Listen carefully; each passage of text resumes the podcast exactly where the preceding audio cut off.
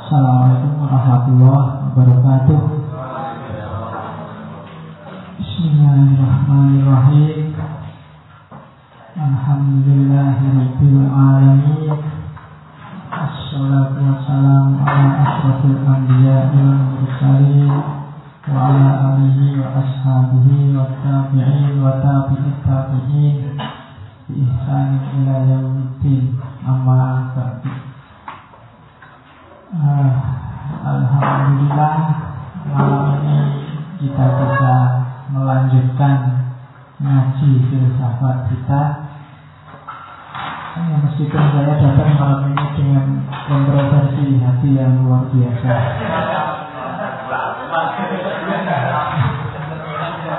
Iya, enggak yang bikin kontroversi itu maka ini ada bal-bal. Pak Kota Indonesia melawan Malaysia Gimana kalau kita ganti aja ngajinya dengan Mantap itu Pak. Ah, iya. Kalau tidak terbayang wajahmu yang semangat belajar oleh Pak SMS oleh Pak. Aku pamit yang itu ya rata keren. Jadi ya semoga ngaji kita malam ini berkah. Jadi tadi saya keluar rumah sambil melihat ke atas. Tidak apa-apa, saya berangkat ngaji cuma Indonesia dimenangin ya. Iya, tapi terus Gusti Allah balas, emangnya kalau nggak menang kalau mau apa? Iya nggak apa-apa ya, cuma minta aja. Oke, karena kalah sama siapa aja boleh atau jangan sama Malaysia kan itu semuanya. Oke, nggak apa-apa lah, karena saya juga mesti nanti saya membayangkannya, jangan-jangan banyak yang nggak datang ya. Tapi setelah saya pikir biasanya peserta ngaji itu banyak yang labil ekonomi, jadi mesti bertemu. Lumayan ada hati bakar sama saya angin oke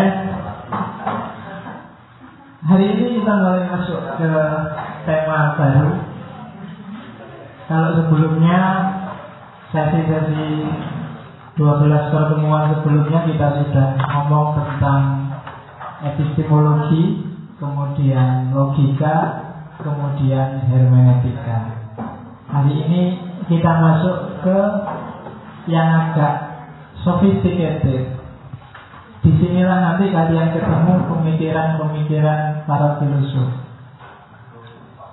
Meskipun nanti kita tidak akan masuk ke satu demi satu tokoh. Kita akan masuk secara umum, kemudian kita lihat isu-isu besarnya. Karena fokus kita tidak pada menghafalkan pikirannya para tokoh, tapi kita pahami sistemnya, kemudian kita adaptasikan, siapa tahu bermanfaat untuk kita di level apa pun hidup kita. Maunya begitu. Ah, tema hari ini adalah ontologi. Malam ini masih pengantar beberapa istilah, kemudian beberapa pola-pola umum dalam ontologi Pengantar ini agak panjang karena ontologi itu rumit. Mungkin sampai tiga, saya tidak tahu. Bisa jadi nanti bisa empat. Kita masih pengantar ontologi. Saya akan ngomong beberapa sistem-sistem besar. Baru setelah pengantar selesai kita masuk isu-isu ontologi. Mungkin dimulai dari kosmologi tentang alam semesta, kemudian teologi tentang Tuhan dan antropologi tentang manusia. Jadi ontologi akan diakhiri dengan filsafat manusia. Filsafat manusia secara ontologis akan dilanjutkan ke filsafat nilainya. Kita akan ketemu dengan etika.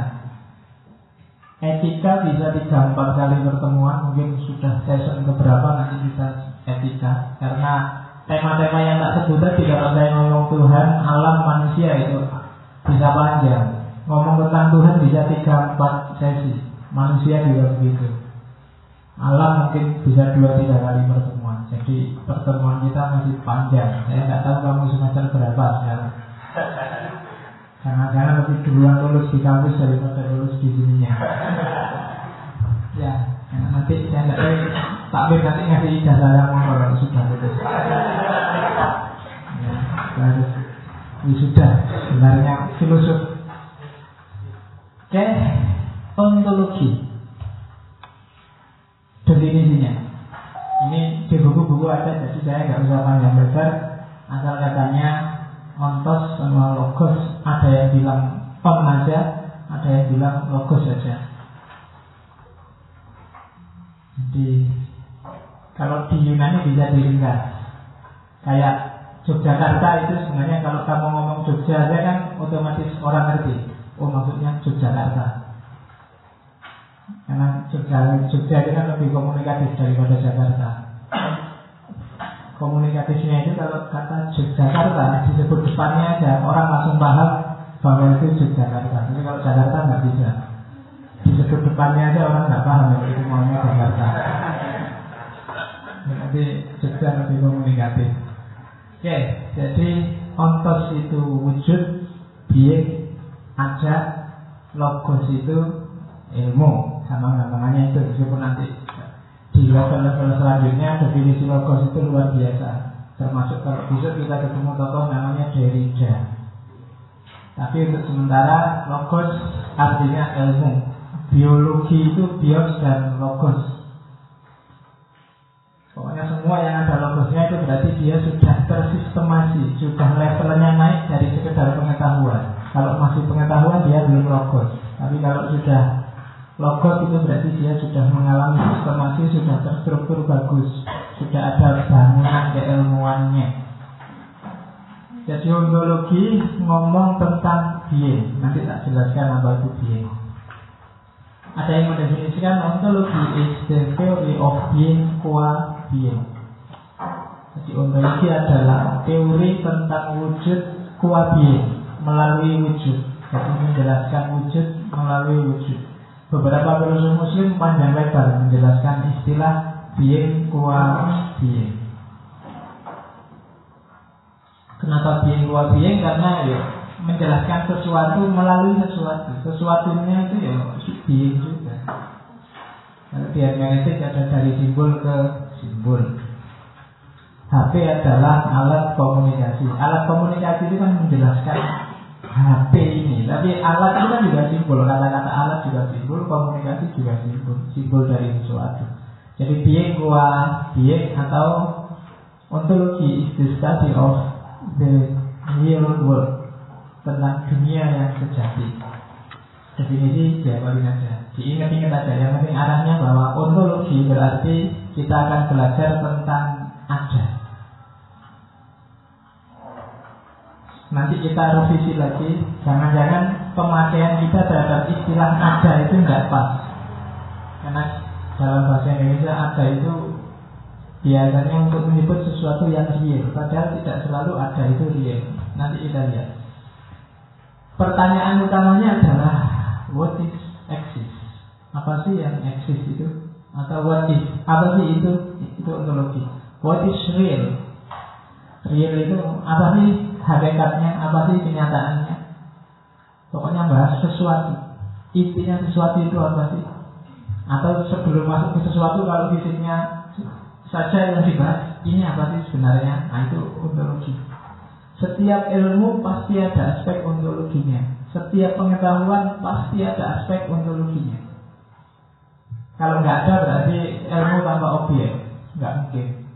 Segala sesuatu pasti ada aspek wujudnya.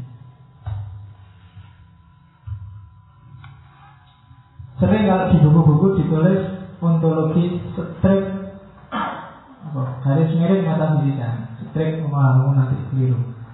Jadi garis miring, garis miring tidak selalu atau ya. Garis miring itu artinya bisa macam-macam tergantung tafsirnya. Kalau garis bawah underscore itu maksudnya apa? Kalau mau bikin email yang kadang pakai underscore ya. Maksudnya apa? Gaya aja. Ayo, ya? Simbol kan setiap simbol punya makna. Maksudnya ontologi.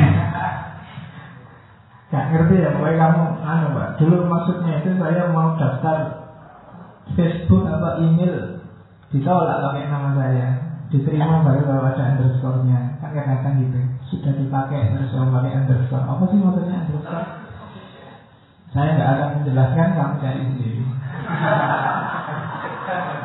Iyalah, ya ilmu ini beda.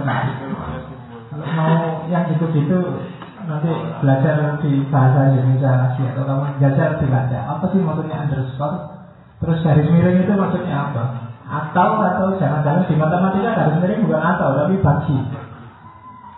Berarti ontologi dibagi metafisika kan tidak bisa. Aku atau kamu sama saja. Jadi aku dibagi kamu nggak apa-apa. Yang sudah, saya harus bagi itu dibahas itu harus itulah ontologi sebenarnya. Jadi membahas yang ada. Semangatnya filsafat kan itu karena kita banyak ngomong yang tidak paham yang diomongkan. Kayak fikih. Jadi kamu ngomong apa tidak jelas. Di antara antara maumu dengan pikiranmu dengan mulutmu nggak sinkron. Itu fenomena fikih. Oke, kenapa sih ontologi itu kalau di barat malah ontologi adalah bagian dari metafisika. Atau ada yang ngomong ya kajian ontologi itu ya otomatis kajian metafisika. Kenapa sih disebut sama? Karena dua-duanya melacak hakikat. Metafisika itu berarti yang dibalik fisik di luar dunia fisik. HP ini fisiknya adalah mungkin kacanya, LCD-nya, mungkin tutupnya, mungkin warna putihnya itu kan fisiknya. Tapi sebenarnya kan hakikatnya HP itu bukan kacanya, bukan besinya, tapi hakikatnya adalah alat komunikasi. Dan alat komunikasi itu kan bukan sesuatu yang fisik yang bisa kamu lihat, kamu sentuh. Dia metafisik, berada di balik fisik. Itu yang tadi saya bilang, kadang-kadang kita pakai istilah yang kalau di Indonesia kan metafisika itu hubungannya biasanya sama barang goib, dukun, santet, Until bolong, until anak, until bapak, until ibu, ya, ini itu banyak.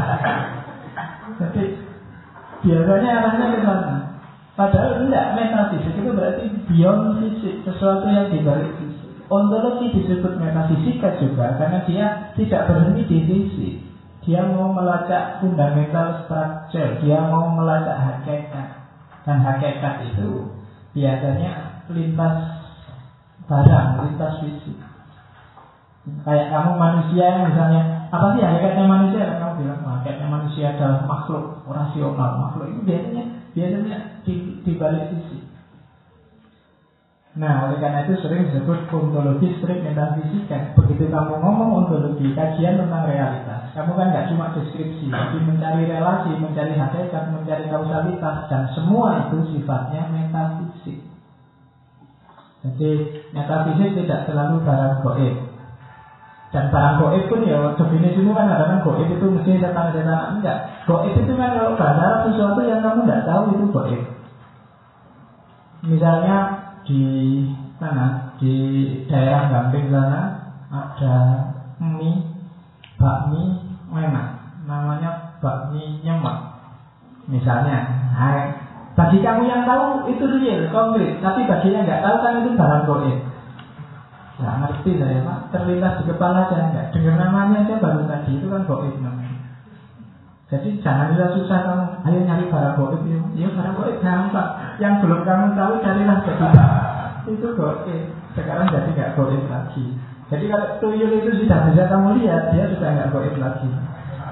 Di hantu itu kalau sudah kelihatan, oh, sekarang hantunya nggak boleh, dia sudah real, konkret bisa dilihat. Dan kalau dia bisa dilihat berarti sudah nggak boleh, kan gitu logikanya. Jadi jangan heran kalau di setiap buku-buku ontologi pasti ontologi strip fisika, hei metafisika. Metafisika berarti sesuatu yang sudah melampaui fisik. Kenapa sih ontologi penting? Karena ini minta peteling dari tulisan zaman S1 itu. Saya S1 berarti sekitar tahun 93-an. Jadi, kamu mungkin belum lahir 93 Iya, jadi Ya, meskipun dari sisi wajah mungkin saya lahirnya 2008 itu. Kamu orangnya jangan boros-boros. Ya ini gitu lah, kalau punya wajah itu jangan diboros-boros ya. Ya, jadi kenapa sih orang harus ini penting? belajar ontologi karena persepsimu terhadap realitas, pemahamanmu terhadap realitas itu kadang menentukan relasi sosial, menentukan fenomena sejarah, menentukan fakta sehari-hari. Berbeda persepsi itu bisa jadi debat, bisa jadi melanggar hukum, bisa jadi perang, bisa ada penghancuran budaya, bisa kamu cuma buang-buang waktu, bahkan bisa bikin kamu stres. Persepsi menentukan.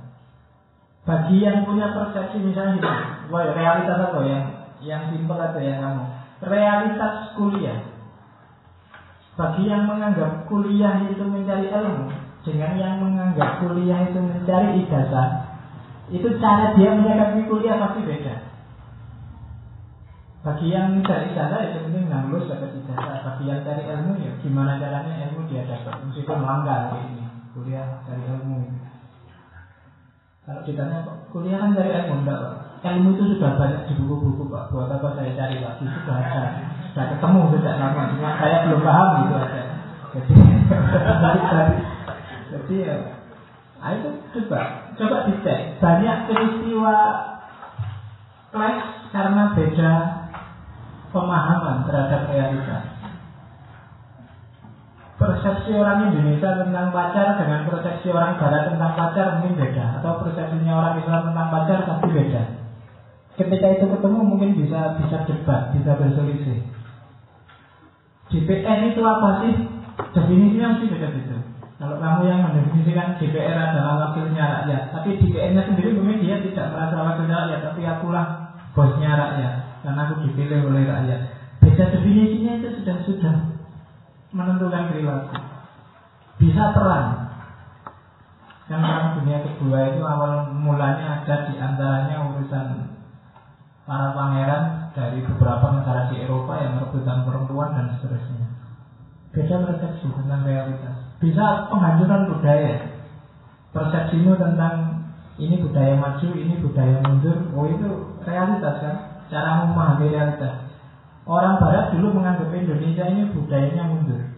Budaya ke belakang. Sementara Barat lah yang maju. Maka untuk bisa maju kita harus dibaratkan. Budaya lama dihancurkan diganti budaya baru. Atau mungkin orang-orang kelompok tertentu menganggap Indonesia ini negara kafir harus diislamkan lagi. Persepsi itu ya kita. Meskipun enggak lah, Islam itu kan enggak harus itu. Ya, tapi Islam itu gini. Satu persepsi Islam model A, dua persepsi Islam model B. Maka ontologi penting. Manusia itu apa sih menurut kamu? Itu nanti menentukan juga. Masjid itu apa sih menurut kamu? Menentukan juga. Persepsi orang tentang masjid Misalnya persepsi orang A dengan orang B bisa beda-beda. Kenapa di masjid ini bisa ada acara macam-macam sementara di yang lain nggak ada? Itu kan persepsi tentang masjid. Itu ontologi. Oke, kadang-kadang juga persepsi bikin kamu salah, persepsi bikin buang-buang waktu, buang uang, buang tenaga, buang energi. Misalnya persepsimu bahwa cowok itu harusnya yang memimpin perempuan. Jadi kalau pacaran waktu di terakhir yang bayarin harus cowok, yang antar jemput harus cowok, yang ah itu kan bisa. Kamu buat waktu nggak ganti. Cara mengatasinya gampang, ganti persepsinya. Nah, tinggal dibalik aja. Oh, enggak selalu gitu. Tergantung yang punya uang siapa. oh iya, urusan bayar membayari itu yang punya uang siapa, urusan jemput menjemput yang punya motor siapa kan gitu. Nggak ada urusan dengan cowok dan tidak cowok. Nah, itu kan ganti persepsinya juga. Bisa bikin kamu stres juga. Kamu melihat ya kayak tadi tak lanjutin semuanya pacaran. Pacaran bagi kamu adalah harus tiap malam minggu apa Ini kan persepsi.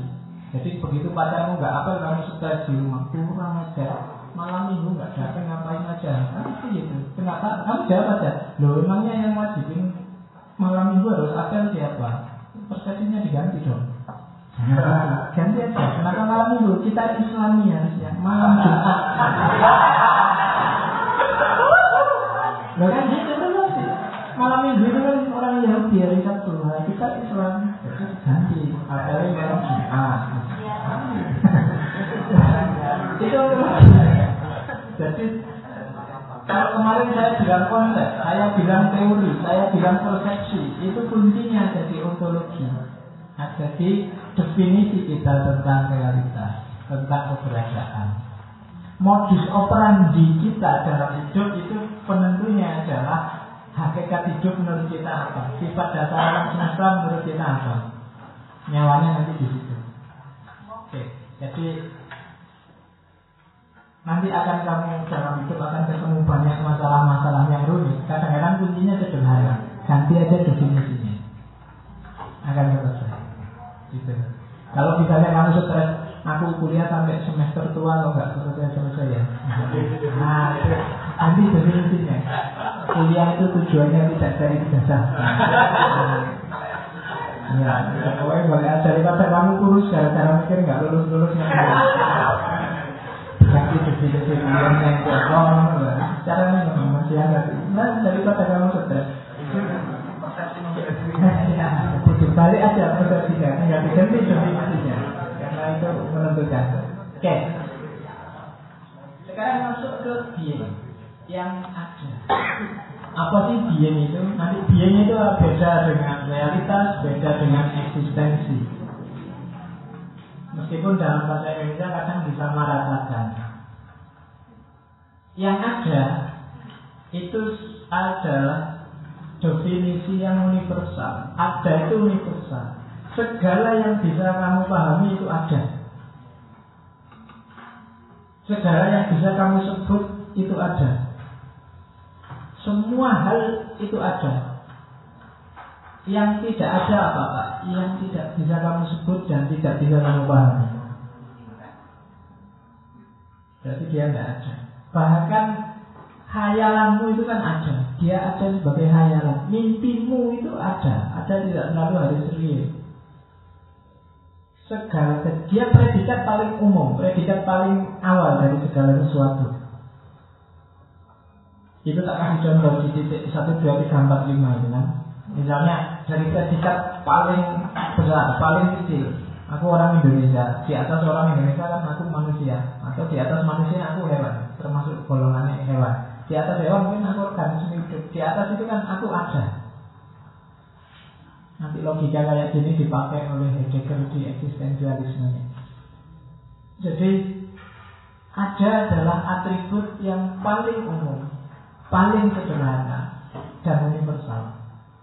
Tidak ada sesuatu pun yang tidak bisa dikasih predikat yang tidak bisa dikasih predikat ada.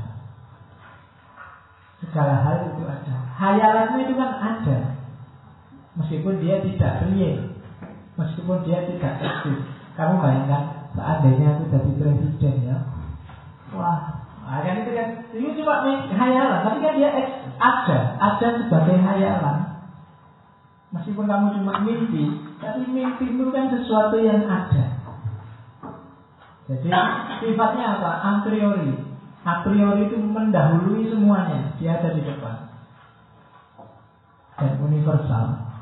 Dia jadi syaratnya realitas, syaratnya eksistensi. Jadi ada tidak sama dengan real, tidak sama dengan eksis, tidak sama dengan hadir. Jadi kalau ada dosen ngabsen, ain ada pak. Itu meskipun air pak nggak masuk, kalau temennya ngomong air ada pak, itu yang ngomong itu nggak bohong, karena air memang ada. Besok kalau hadir, kalau dia bilang hadir, bohong dia. Tapi kalau bilang ada pak, nah itu nggak bohong, kamu bisa. Kenapa? Dulu kan air ada, meskipun sekarang tidak di sini, kan gitu. Iya. Jadi, ah, dari cara memang si apalagi dosennya ngabsennya sambil minggu ayo ayo ada kami ada pak ada pak tidak apa-apa. Memang orangnya muda bahwa dia tidak di kelas saat ini dirinya tidak eksis. Ya itu lain acara tapi yang jelas dia ada. Kalau ada orang tanya surga neraka? Misalnya orang ada yang bilang surga neraka ada nggak? Ada. Gitu. bahwa itu urusan real apa enggak saya tidak tahu. Tapi ada. Entah itu ada sebagai konsep ada sebagai keyakinanmu, ada dalam pikiran imajinasimu, tapi kan dia ada. Jadi paling tidak dalam atribut ini kamu nggak perlu takut untuk debat dengan orang-orang yang anti metafisika, anti dari sisi ada atau tidak, semua hal ada. Dia bisa ada di pikiranmu, ada dalam lamunanmu. Asal bisa kamu tangkap, bisa kamu pahami, tidak harus ada barangnya, maka dia eksis, ada. Oke, jadi kalau ada pasti diketahui. Karena ya kita nggak mungkin mengetahui sesuatu yang tidak dapat diketahui. Itu namanya tautologi. Banyak pertanyaan-pertanyaan tautologi seperti itu. Tapi kalau ada, dia harus dapat diketahui. Bisa nggak kamu mengetahui sesuatu yang tidak dapat kamu ketahui? Itu kan bulat, tidak Karena ada itu dia sifatnya a priori dan universal, dia pasti dapat diketahui. Kalau dia tidak dapat diketahui, pasti tidak ada Begitu kita mengetahui, pasti dia ada. So, mulanya di situ. Jadi atribut ada itu adalah atribut yang universal. Ada beberapa klasifikasi sebenarnya banyak itu tidak kasih contoh cuma dua. Kalau dalam filsafat Islam kemudian dikenal pembagian wajibul wujud sama mungkinul wujud yang sungguh-sungguh ada dan yang cuma mungkin adanya. Nah itu nanti panjang kita bahas di belakang. Termasuk juga ada yang nyata benar-benar ada, ada yang tampaknya saja ada, padahal tidak. Nah, disiplin itu kan ada. ya kan? Salah satu contohnya gitu. Nanti kita jelaskan klasifikasi di belakang. Tapi yang jelas sekarang cukup dipahaminya ilmu kita nyampe being tentang yang ada. Jadi sebelum ada sifat apa pun, yang pertama-tama harus ada adalah being. Kalau dalam bahasa filsafat ini namanya first order predicate. Jadi predikat level 1. Setelah itu baru ada predikat level 2, level 3 dan seterusnya.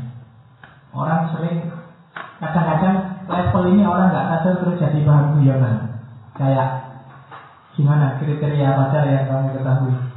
Yang paling ingin kamu inginkan? Ya saya ingin yang rambutnya panjang, kulitnya putih, yang anu terus kalau kamu gimana? Saya ingin yang ada saja. Nah, kan, kan ada yang kayak gitu. Seolah-olah lebih cerdas yang ditanya kedua ini. Tapi sebenarnya dia tidak cerdas. Kenapa? Karena yang ditanyakan bukan soal Ketika saya tanya kriteria pacar yang kamu inginkan, ya mesti aja yang ada. Ada itu first ordernya. Saya mau tanya level keduanya, second order predikatnya, predikat level selanjutnya.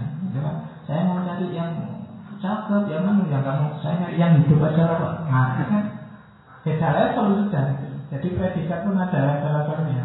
Jangan salah. Seolah-olah yang bilang yang ada siapa itu lebih pintar, tapi sebenarnya lebih bodoh dia. Arahnya tidak ke situ pertanyaannya. Yang ditanyakan adalah predikat level kedua level bukan level beingnya tapi level atributnya.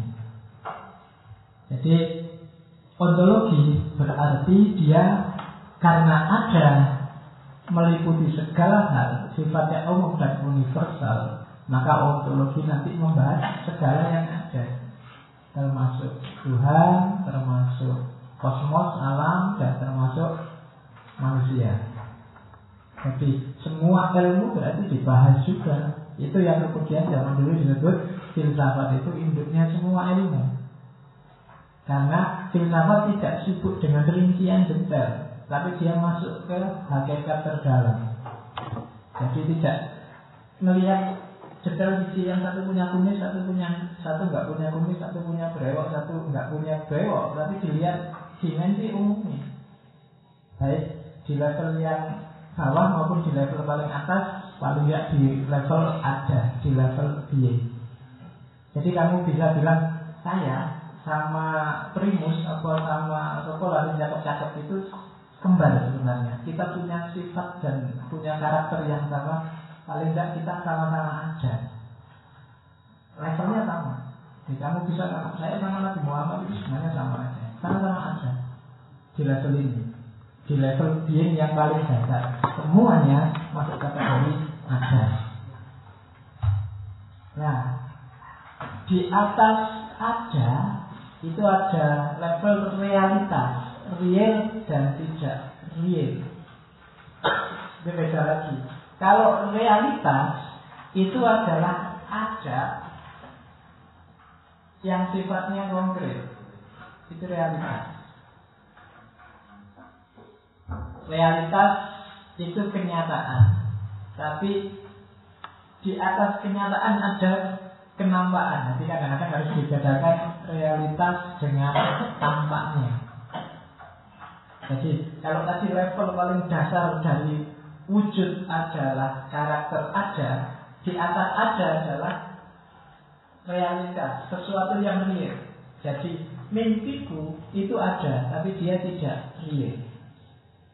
Lamunanku itu ada, tapi dia tidak real. Jadi di atas ada, ada level reality, realitas. Dan di balik realitas, hati-hati dengan jebakan.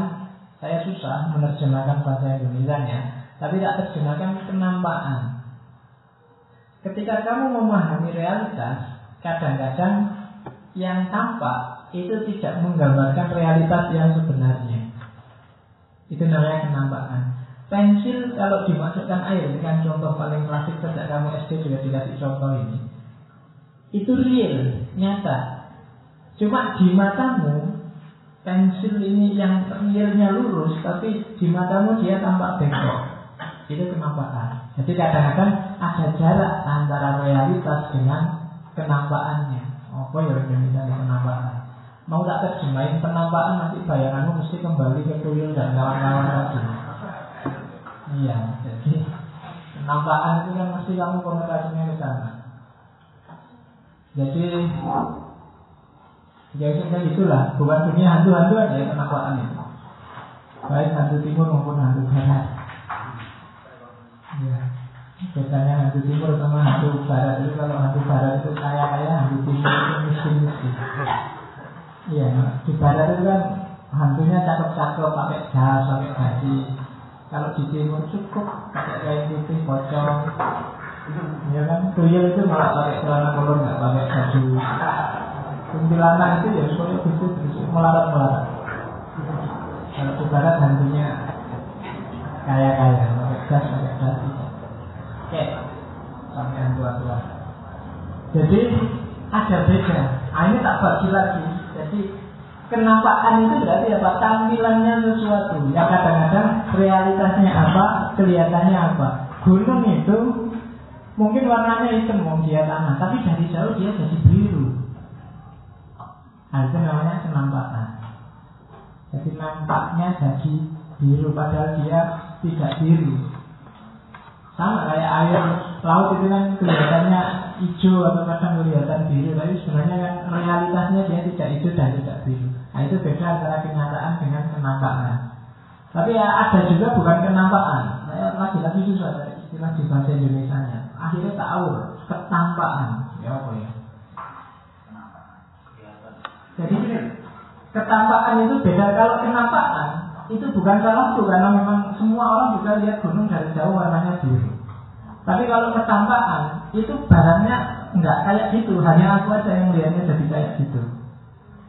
Kalau pas aku lagi stres itu tak contoh misalnya lihat gajah yang hitam jadi oranye, mungkin aku lagi mabuk bareng apa mungkin uh, ada gajah warnanya oranye. Semua orang nggak lihat itu cuma kamu aja yang lihatnya kayak gitu gitu. Itu namanya ketampaan. Oh, kok ketampaan itu ya bahasa Indonesia yang baik dan sebenarnya apa ya? Susah keterbatasannya bahasa Indonesia itu banyak istilah-istilah di bahasa Indonesia yang agak susah. Hmm, iya. Saya dulu zaman itu bahasa Indonesia ini jundil itu apa ya? Bilang kaget juga enggak? Bukan kaget, jundil itu lebih dari sekedar kaget. Oh, apa ya? Ya kaget dan meloncat. Jundil kamu tidak bisa datang aku sampai dinding itu kan nggak nggak ada Indonesia ini susah ya bahasa Jawa bahasa Arab apalagi itu kaya tapi ya bahasa Indonesia terbatas karena Indonesia kan serapan-serapan dari sana sini nah jadi kalau ketampaan itu Penampakannya benar, akhirnya benar. Cuma karena kita tertipu aja. Kalau kita pas jatuh cinta luar biasa, pacar kita yang biasa-biasa jadinya cakep. Nah itu kan tidak gara-gara anunya, tapi gara-gara memang kita sedang jatuh cinta. Itu ketampaan. Realitasnya sih pacarmu ah, pacar gitu-gitu aja disenangi sampai misalnya. Loh, jangan disalahkan jatuh cinta. Kamu jangan ketawa awas kamu bisa kalau jatuh cinta. Jadi itu ketampaan. Dan itu beda-beda levelnya gitu. Jadi nanti ini karena ini teori dasar diingat-ingat ya itu ketika menganalisis sesuatu kadang-kadang terjadi deviasi deviasi itu kadang ada pada objeknya kadang ada pada subjeknya Tuh. Ya yang pada objeknya ya kayak Padahal realitasnya mungkin tidak begitu Kayak pensil tadi loh Dia masuk ke air dia jadinya terlihat jadi bengkok. Padahal realnya dia tidak bengkok. Ada deviasi karena yang lihat karena yang lihat pakai kacamata merah maka tembok yang hijau jadilah warnanya merah. Nah itu dalam persepsi dalam analisis ini penting. Kadang-kadang persepsi peneliti menentukan objek yang diteliti. Kadang-kadang objek yang gambarnya seperti apa tapi ketika dilihat dari sudut pandang yang berbeda gambarnya jadi berubah. Nah itu kenampaan dan ketambahan. Kalau mau masuk ke hakikat, masuklah ke kenyataan. Kalau mau masuk lebih dalam lagi, jangan cuma berhenti di kenyataan yang real, tapi masuklah ke hakikat yang lebih dalam. Nanti masuk namanya esensi. Nah, kalau kenyataan ujiannya ya pengalaman. Nyata atau tidak nyata itu adanya dalam pengalaman. Pengalaman berarti apa? Dia harus bisa diakses oleh panca indera. Jadi yang metafisika tadi bisa tidak disebut real, tidak disebut realitas. Realitas itu berarti dia harus bisa diakses oleh dunia indrawi. Dan hati-hati ketika kamu menyerap realitas, karena kadang realitas tidak menambahkan wajahnya yang sebenarnya. Apalagi hari ini, berita itu kan muter-muter tidak karu-karuan. Kamu susah mendeteksi mana real dan tidak real. Ketika kamu sudah ketemu orang yang real, ini kenampakannya seperti apa? Jangan-jangan persepsimu sudah geser sehingga yang bagus tampaknya jadi semua. Nah itu hati-hati. Ini level ontologis yang selanjutnya. Di atas kenyataan ada level eksistensi. Ada yang menyamakan realitas dengan eksistensi. Tapi secara umum eksistensi dengan realitas berbeda. Banyak hal yang real tapi dia tidak eksis. Untuk bisa eksis paling tidak syaratnya dia harus konkret bisa dilihat, bisa dipegang, bisa diminum, bisa dirasakan.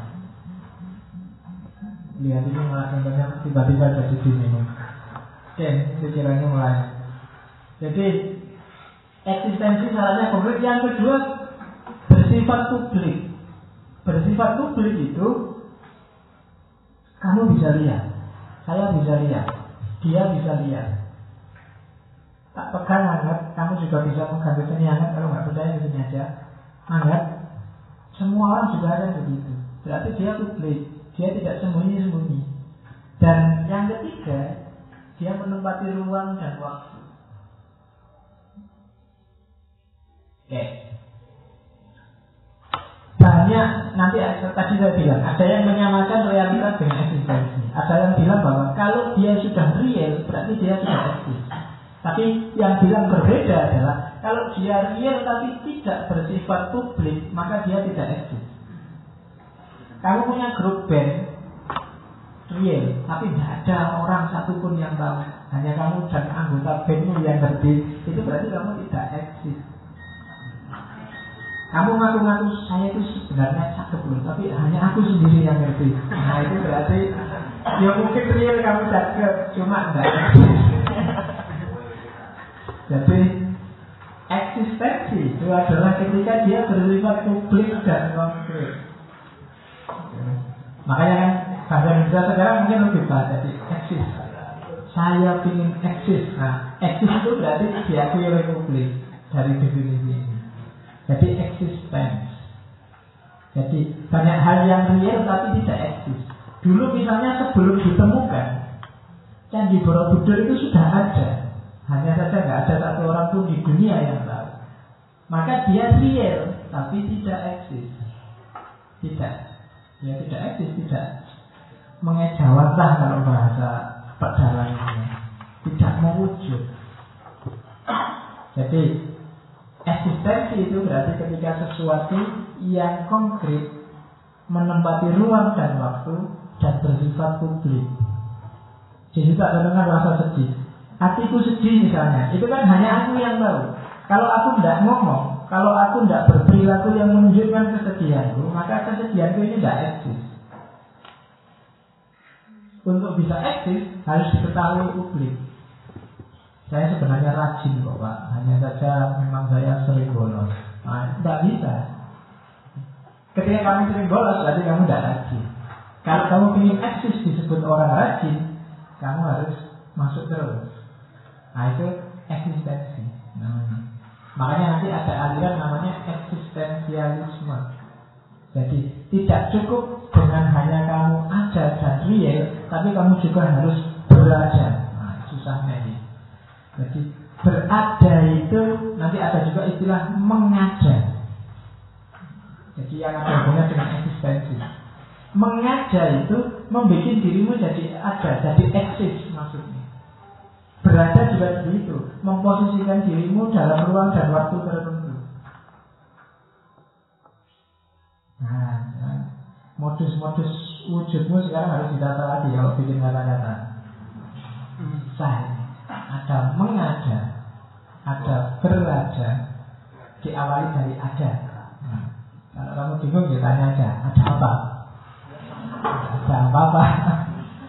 Kalau saking stresnya nggak usah dipahami lagi, paling kamu komentar ada-ada saja.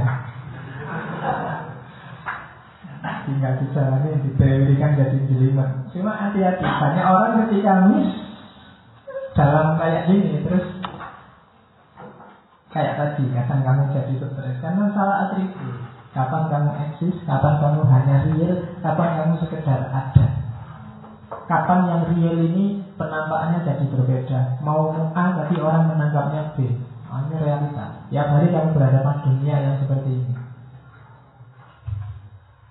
A. Di balik eksistensi ada esensi, ada juga substansi. Nah, ini yang ada sisinya ya kalau fikih itu harmonisasi suatu sisasi dan kawan-kawan. Gara-gara ini mungkin dia di bawah sadarnya bilang pokoknya kalau ingin disebut ilmiah belakangnya harus si si si jadi dia ngomongnya mau dikasih si satu si satu. Ada harmonisasi. Ada gitu. Oke. Ya besok kita pengajiannya diganti.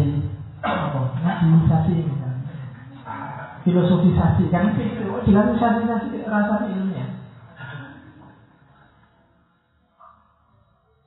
kita melakukan segerisasi tenggorokan. Iya. Biar semakin mempertajam konsentrasi. Oke, esensi. Kalau esensi itu kutub yang berseberangan dengan eksistensi. Kalau eksistensi dimensinya publik, kalau esensi hakikat terdalamnya. Kayak tadi.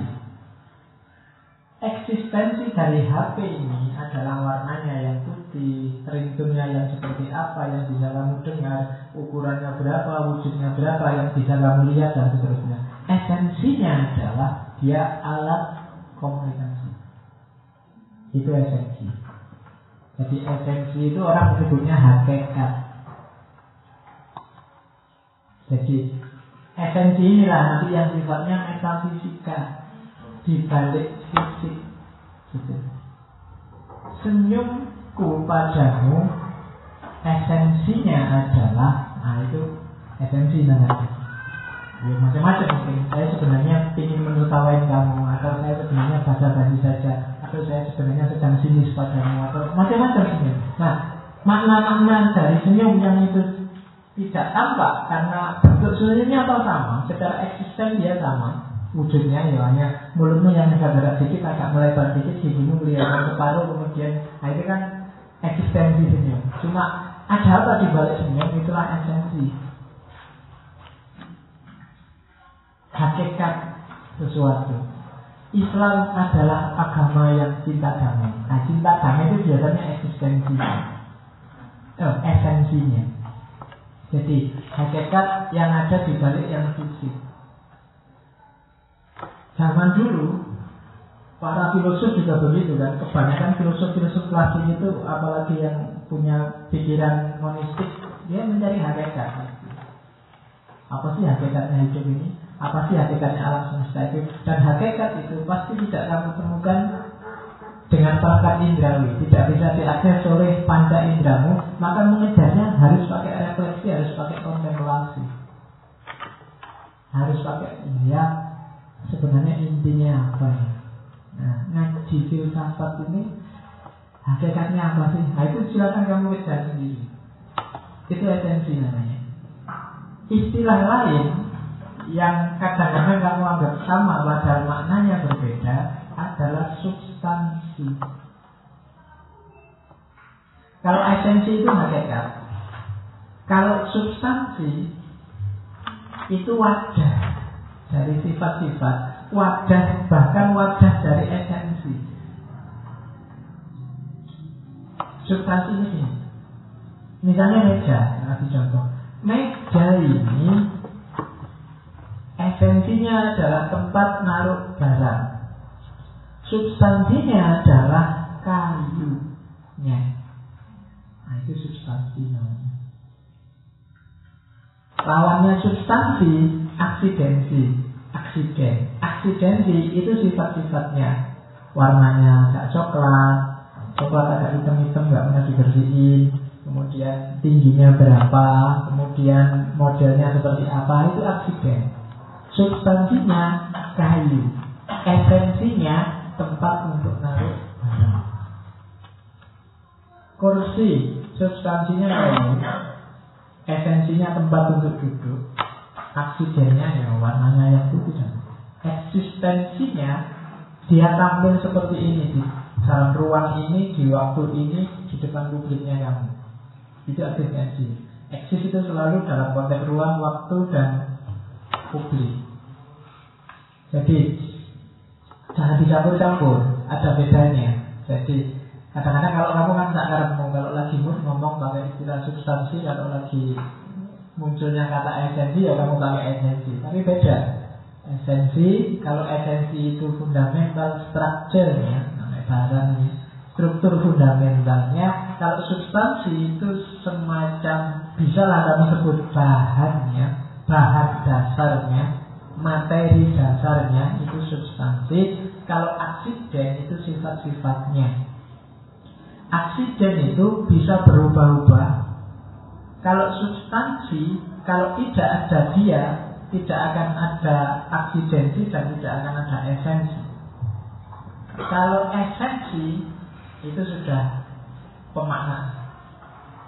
Hakikat, intinya, maksudnya, nah itu esensi biasanya. Maunya apa sih? Nah, itu esensi. Maksudnya apa sih? Biasanya esensi. Hakikatnya apa sih? Intinya apa sih? Itu esensi gitu. Tapi kalau aslinya apa sih? Sumbernya apa sih? Dasarnya apa sih? Itu biasanya substansi. Kalau sifat-sifat ya warnanya, baunya, kemudian tingginya berapa, modelnya seperti apa, nah itu aksiden. Jadi nanti berarti dalam sesuatu apa pun sesuatu itu yang ada selain dia real atau tidak, eksis atau tidak, bisa juga kamu pilih-pilih lagi mana aspek substansinya, mana aspek esensinya, mana aspek aksidennya. Kamu bisa kalau bikin skripsi atau penelitian apa pun, cermati variabel-variabel ini. Esensinya apa sih? Substansinya apa? Kemudian aksidennya apa? Kalau substansi itu biasanya variabel primernya, aksiden itu yang sekunder. Kalau esensi itu biasanya variabel maknanya. Ini kamu paham sendiri. Kamu sudah praktek. Nah, di atas itu ada lagi sebenarnya sama ini cuma tak ambil dari Aristoteles. Kalau Aristoteles menyebutnya matter and form. Sama sebenarnya. Matter itu ya substansi tadi materi terjemahan letternya tapi yang jelas maksudnya meter itu jenis substansi tertentu kalau form itu bentuknya bentuk tidak sama dengan bangunannya maksudnya gini. Lagi-lagi tak contohin meja. Meja ini meternya kayu. Formnya meja. Bangun mejanya kayak apa pun. Meskipun ini sama itu kan beda. Tapi kan kita sebut sama-sama meja. Meskipun bangunannya beda. Kenapa? Karena dia sama-sama punya form meja. Form itu asalnya dari mana? Kalau di Plato dari dunia ide tapi yang jelas kalau di Aristoteles ya dari pengalaman dari pengalaman kita kita menyimpulkan barang yang punya form seperti ini namanya meja tidak tahu konstruksi formnya dalam ide kita seperti apa. Tapi yang jelas begitu ketemu yang seperti ini dan kawan-kawan ada yang bentuknya bulat, ada yang pecah-pecah, ada yang kadang-kadang agak patah dikit, tapi tetap kita bisa menyebut ini meja. Kenapa? Karena ada form meja di kepala kita. Iya, kamu pakai tidur pun namanya tetap meja, tidak berubah jadi kasur. Kenapa? Ada form di situ. Ini gelas. Meskipun nanti nggak dipakai tiba-tiba tak mirip atau stres dipakai menanam bunga apa gitu di sini, misalnya contoh. Tetap kamu sebut loh ini gelas. Dia tidak akan berubah nama dari pot. Gelas kok dipakai pot. Paling tidak kamu ngomong gitu. Kenapa? Karena dia sudah punya form gelas. Nah, sebenarnya nanti menarik istilah-istilah tadi yang saya sebut di atas, substansi, esensi, aksiden, meter, form. Coba kamu tarik sambungkanlah dengan makhluk yang namanya manusia. Manusia itu substansinya apa? Aksidennya apa? Esensinya apa? Meternya apa? Formnya apa? Ini yang diperdebatkan oleh para filosof ketika ngomong filsafat manusia. Ada yang materialistik, ada yang idealistik dan lain-lain. Apa pun itu coba kamu bilang. Nah, ontologis maksudnya nanti ke sana. Alam, alam itu substansinya apa, esensinya apa, aksidennya apa, meter formnya seperti apa. Ini variabel-variabel istilah-istilah yang di ontologis selalu dan sering muncul. Masing-masing tokoh punya kecenderungan sendiri sehingga muncul banyak sekali aliran. Nanti beberapa kita sebut di sini di belakang. Oke. Awal kajian ontologi sudah sering saya sebutkan bahwa ya awalnya karena realitas sejak zaman dulu biasanya orang menjawabnya pakai mitos. Mitos itu tidak selalu cerita-cerita tapi narasi-narasi yang tidak didasarkan pada rasio. Itu mitos. Ya macam-macam. Tidak harus ada dongengannya. Banyak hal yang kamu mitoskan sendiri dalam hidupmu mungkin banyak. Kalau nggak pakai jaket ini aku nggak kelihatan gagah. Itu mitos. Katanya siapa? Kamu pakai apa pun nggak kelihatan gagah. Aslinya sudah ada gagah kalau kamu merasa. Ya, tapi mitos. Kadang-kadang kamu kalau tidur nggak pakai bantal ini, aku nggak bisa putus. Jadi ke mana-mana bantal itu kamu bawa meskipun bantal aslinya putih sekarang jadi badai. Ya, tiap hari kamu badai di atas bantal. Dan itu mitos sudah. Bantal itu sudah jadi mitos bagi sama kan macam-macam mitos itu tidak selalu bentuknya positif karena ada mitos-mitos negatif. Pokoknya mitos-mitos negatif kayak Kalau orang Madura itu, ah, aku enggak. Nah itu mitos itu lagi-lagi. Mitologi. Dasarnya tidak rasional. Ah, mahasiswa UIN itu desa-desa. Ah, misalnya, itu mitos. Katanya siapa? Tidak ada mahasiswa UIN desa yang sangat desa banyak. Jadi Nah, paradigma yang tidak rasional seperti ini nanti yang didobrak sehingga melahirkan kajian ontologi. Awalnya bukan epistemologi, betul sahabat, ontologi dalam sejarah tapi. Meskipun di sini tak balik, kamu belajar epistemologi dulu. Ya kayak Thales dan kawan-kawan, Demokritos dan seterusnya. Ya Thales bahasa orang Yunani bukan Thalesnya orang. Ya, jadi kalau di Yunani kan mitologi banyak. Kamu lihat ada Zeus, Hercules, Sina dan kawan-kawan. Kamu lihat di sini itu kan dunia mitologi. Jadi ada Thor, ada apa lagi? Yang meskipun mitologi hari ini kamu bikin-bikin sendiri ada Iron Man, ada Superman, ada Batman, ada ya kan gitu-gitu. Mitologinya orang modern.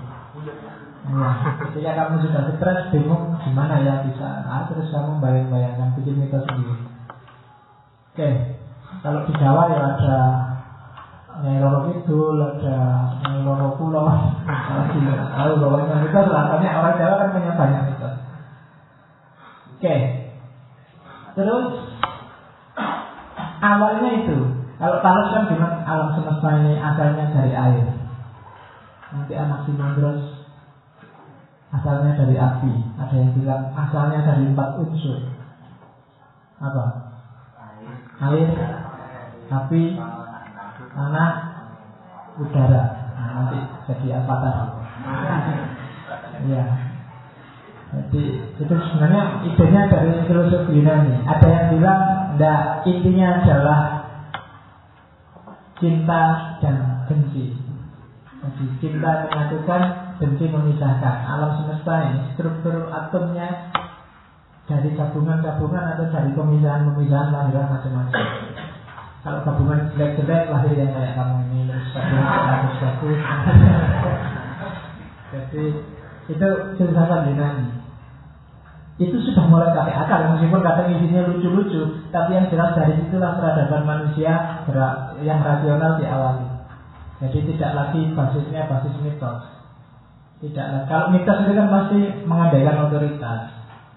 Jadi yang punya cerita, kalau di sini kiainya, ulamanya, penguasanya yang menguasai narasinya. Sementara kalau peradaban rasional kan enggak. Masing-masing orang berhak mendaya gunakan akal budinya. Dan caranya gimana sih mendobrak mitos itu? Biasanya caranya melihat keteraturan kemudian merumuskan. Kayak kalau tadi kan melihat, eh alam semesta ini di mana-mana ada air. Mungkin dia lihat itu. Tidak ada satu barang pun yang tidak punya kadar air. Besi aja punya kadar air tertentu. Kayu punya kadar air. Kain punya kadar air tertentu. Mungkin alam semesta ini asalnya dari air. Al-Quran aja bilang bahwa wajah alam kulisain air apa? Kita jadikan segala yang hidup itu dari air. Kamu juga dari air. Bahkan cuma nggak ada segini. Iya. Ya ya. Jadi cukup sekadar. Sekadar itu pun dari yang cuma satu. Ya kan. Dari nah itu kan berarti air ini itu, itu katanya Thales. Mungkin yang satu lihat oh enggak bukan air tapi api. Jadi realitas itu api itu dengan derajat tertentu dia berubah jadi air tapi semakin jarang dia jadi angin jadi uap semakin air. Cara berpikir. Jadi bukan isinya yang penting, tapi dari situlah peradaban rasional dimulai. Dia lihat pola-pola, kemudian dirumuskan pola umumnya seperti apa. Dari situ kajian ontologi bermula. Model-modelnya, model itu polanya, secara umum cuma ada dua, yaitu ada simple ontologi dan kualitatif kuantitatif ontologi. Simple ontologi itu ya Ontologi sehari-hari yang kita tiap hari memahami realitas itu pakai simple ontologi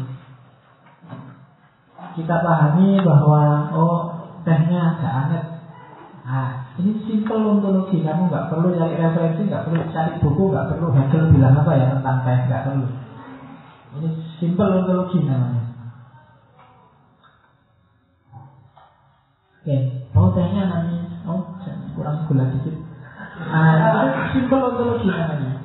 Nggak perlu kamu konsultasi sama ahli kimia tentang gula, pokoknya kau yang ngerti. Itu simple ontologi. Dari cuma aja.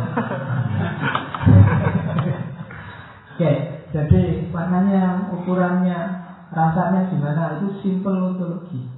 Memahami realitas, memahami ada, memahami eksistensi, memahami esensi dari hal-hal yang simple.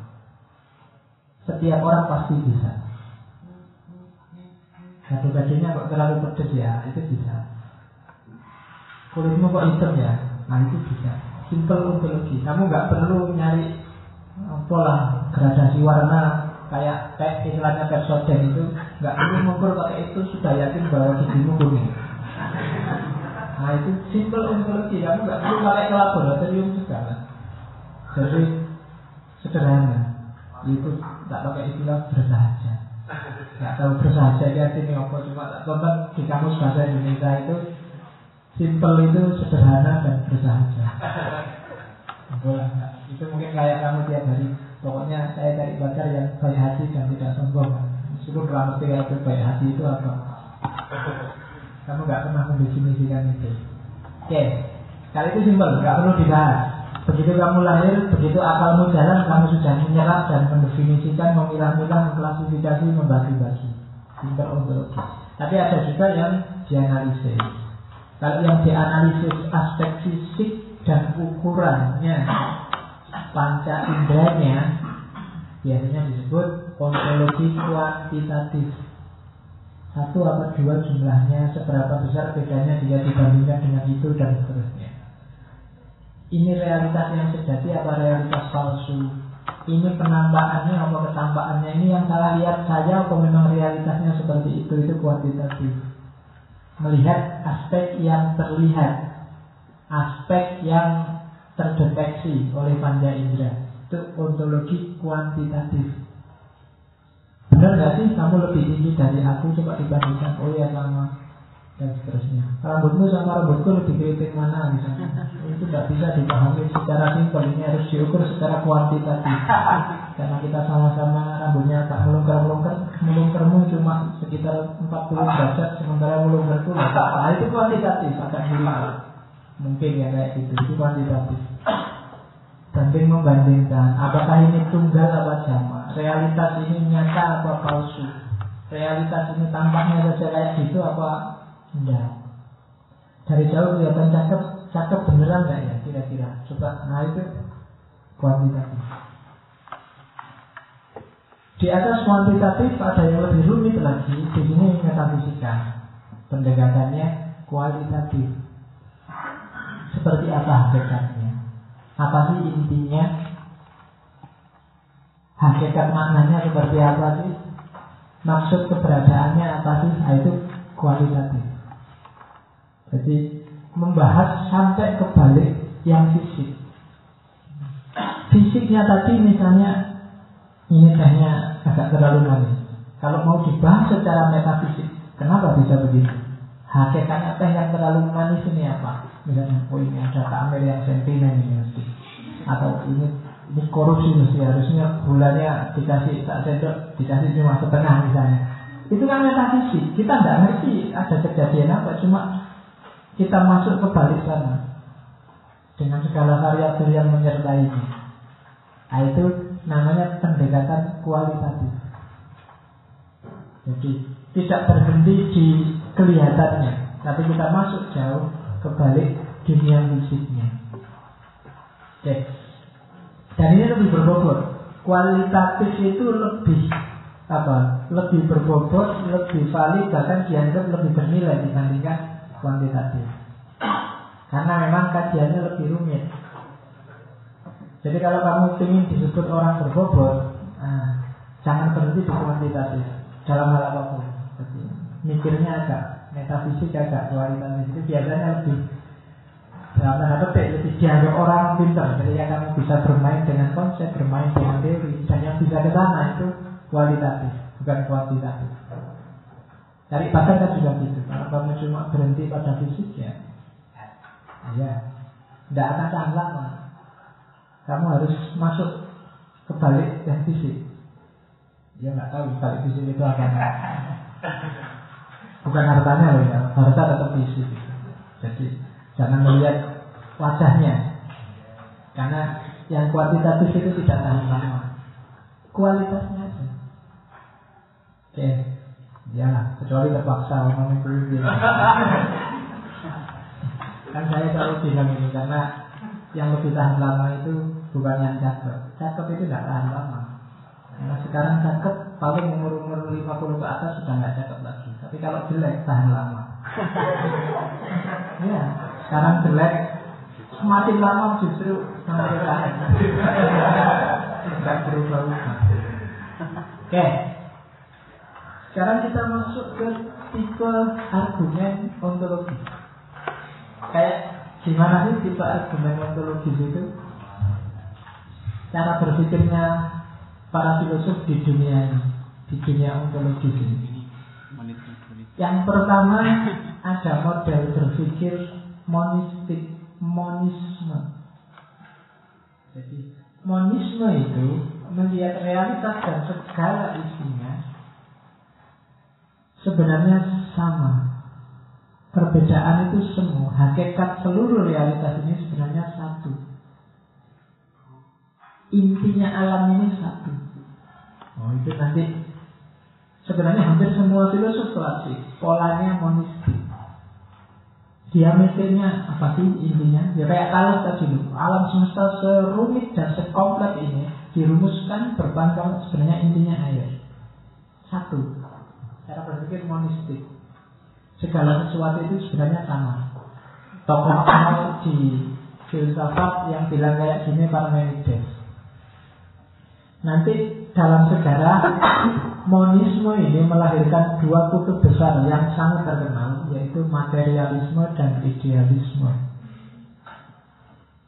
Kalau materialisme bilang bahwa realitas alam semesta ini hakikatnya hanya satu yaitu materi, sementara yang kedua hakikatnya ya, hanya satu yaitu dunia ide, dunia rohani, dunia non materi dan perdebatannya sampai hari ini. Meskipun tidak cuma dua. Ngomong materialisme dan idealisme akan sangat panjang, maka dua ini akan kita bahas minggu-minggu depan. Mungkin minggu depan materialisme dan idealisme. Kalau waktunya nyampe, kalau nggak nyampe Ya materialisme aja kita ngomong minggu depan. Karena materialisme banyak Apalagi sampai nanti materialisme historis Materialisme dialektis Kita ketemukan mat dan kawan-kawan. Jadi agak panjang. Idealisme juga begitu. Idealisme kita banyak. Filosof Jerman itu kebanyakan idealis. Hegel dan kawan-kawan. Jadi Mungkin minggu depan kita ngomong materialisme, minggu depannya lagi kita ngomong idealisme. Kalau yang lain, yang dualisme, pluralisme itu bisa kita paket jadi satu sesi. Tapi yang ini agak panjang karena filosof-filosof klasik sampai modern itu polanya cuma dua. Kalau nggak materialis, idealis. Monisme. Dua-duanya monistik. Melihat realitas hanya dari satu faktor dia punya satu hakikat. Apakah itu materi atau ide? Apakah jasmani atau rohani? Yang kedua ada model naturalisme. Nah, naturalisme itu sebenarnya agak mirip dengan materialisme. Ada yang bilang materialisme itu sebenarnya bagian dari naturalisme. Tapi yang jelas naturalisme bilang bahwa seluruh realitas alam semesta itu hakikatnya adalah ya alam semesta itu sendiri, kejadian-kejadian yang ada di sana. Peristiwa-peristiwa yang ada di dalamnya, fenomena-fenomena. Yang penting dia harus alami, harus natural. Jadi Alam adalah hakikatnya. Kuncinya naturalisme adalah nature, alam. Jargonnya adalah semua yang alami itulah yang benar dan baik. Yang tidak alami itu yang palsu, manipulatif. Itu jargonnya naturalisme.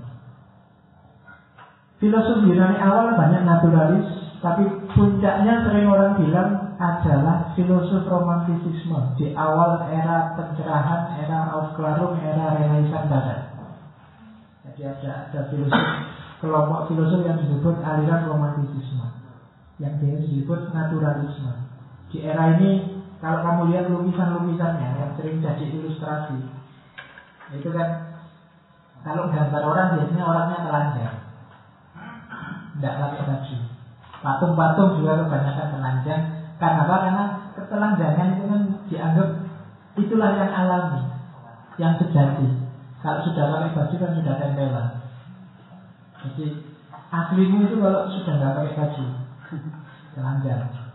Makanya gambarnya buku-buku filsafat yang ada orang kayak gini. Jadi pening kayak orang sedang stres itu, itu kan telanjang nggak pakai baju. Kalau anak saya tanya lihat buku, ini gambar apa tuh? Ya, kok itu orang mau mandi ambilnya di bawah lagi, jadi dia malu gini. Jadi karena orangnya telanjang. Jadi semua yang alami pasti benar. Jadi parameter benar salahnya di kelompok naturalis itu alam. Alami enggak? Kalau dia alami berarti benar. Cowok seneng cewek, natural kan? Jadi itu yang lebih benar dibandingkan cowok seneng cowok. Ya, kalau ada cowok seneng cowok itu tidak tahu enaknya di mana. Nah, ya kan, kok kamu ketawa emangnya kamu ngerti? Harus tidak ngerti yang itu. Kalau ngerti mengkhawatirkan. Jadi naturalisme, segala yang ikut ritmenya alam, itulah yang benar. Kalau dalam agama disebut sunnatullah. Jadi aliran yang andalannya sunnatullah. Secara teologis terus kadang-kadang diekstrimkan jadi yang namanya takdir. Dan orang yang percaya takdir kan fatalistik. Naturalisme juga begitu. Coraknya agak fatalistik. Percaya saja sama hukum alam, percaya saja sama yang alami itu pasti yang lebih baik dan lebih benar. Kalau sudah tidak alam, sudah dipoles, sudah pakai make up, nah itu sudah tidak asli lagi, tidak sejati lagi. Ya, tapi sudah pakai topeng, sudah pakai yang palsu-palsu, sudah pencitraan. Tidak boleh pencitraan, biar natural. Nah, itu aliran namanya naturalisme. Ya tidak tidak salah juga, cuma sih alam itu harus semuanya terbatas kalau ya bagi kamu yang punya jargon hidup ini yang penting mengalir saja berarti kamu kelompok naturalistik. Ikut saja apa maunya alam apa maunya sekelilingmu kalau sekelilingmu ke utara ya kamu ke utara. Kalau ke selatan ya ke selatan. Moralitas juga begitu. Ada kan orang-orang yang punya moralitas naturalistik? Sejak zaman dulu ya yang namanya apa pelacuran itu juga ada. Itu sudah withdraw natural. Di mana mana ada. Jadi kamu nggak perlu capek-capek memberantas dan hidup itu nah natural atau yang suka poligami bilang tuh alami itu laki-laki ingin punya istri banyak itu nah ya gitu argumen naturalistik kalau ditanya satu-satu pasti cowok-cowok mau gak punya istri lebih dari satu. Hanya urusannya berani apa tidak berani kan gitu aja. Kan segitu bilangnya. Itu naturalistik. Apa iya itu semuanya harus gitu kayak gitu lah. Tinggal nanti kamu bahas sendiri. Semoga nanti naturalisme masuk juga ketika kita ngomong kosmologi. Nah ini materialisme. Saya nggak harus panjang menjelaskan ini. Minggu depan saya ngomong khusus tentang materialisme ini Panjang dan lebar. Jangan khawatir.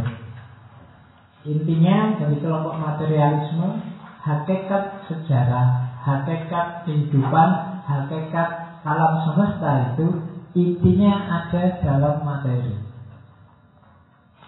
kalau pakai kategori-kategori di atas berarti intinya ada di meter. Kalau ini intinya ada di kayunya. Kalau idealisme bilang intinya ada di tempat untuk naruh barang. Kan gitu. Jadi materialisme ya jadi materi menentukan yang non materi. Yang fisik menentukan yang non fisik itu materialisme. Kalau fisik mus itu kan yang sehingga melahirkan peribahasa mensana incorporisana. Dalam tubuh yang sehat terdapat jiwa yang sehat. Itu sebenarnya materialistik. Jadi basisnya materi. Emangnya iya kok kalau tubuhmu sehat terus jiwamu sehat. Ya kan? Enggak mesti kan orang-orang di pinggir jalan yang jiwa itu akan badannya tegap-tegap, gagah perkasa, ada yang punya jenggot segala, tapi dia stres. ya kan? Katanya siapa? Adalah tubuh yang sehat, terkadang jiwa yang sehat. Tidak mesti juga. Kalau idealisme kan kebalikannya, berarti dalam jiwa yang sehat akan dapat tubuh yang sehat. Ya tidak mesti juga. Jiwamu sehat tapi kamu ya kuru. Jadi ya tinggal tulang dan mantuk. Jadi ya apa?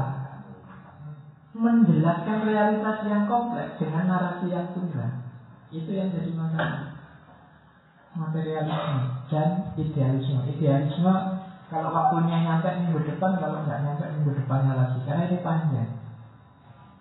Idealisme bilang bahwa realitas yang nyata, yang eksis, yang tampak itu bukan realitas, bukan intinya alam. Intinya itu dunia rohani. Intinya itu dimensi psikis, dimensi pikiran, dimensi pokoknya nggak ada hubungannya dengan materi.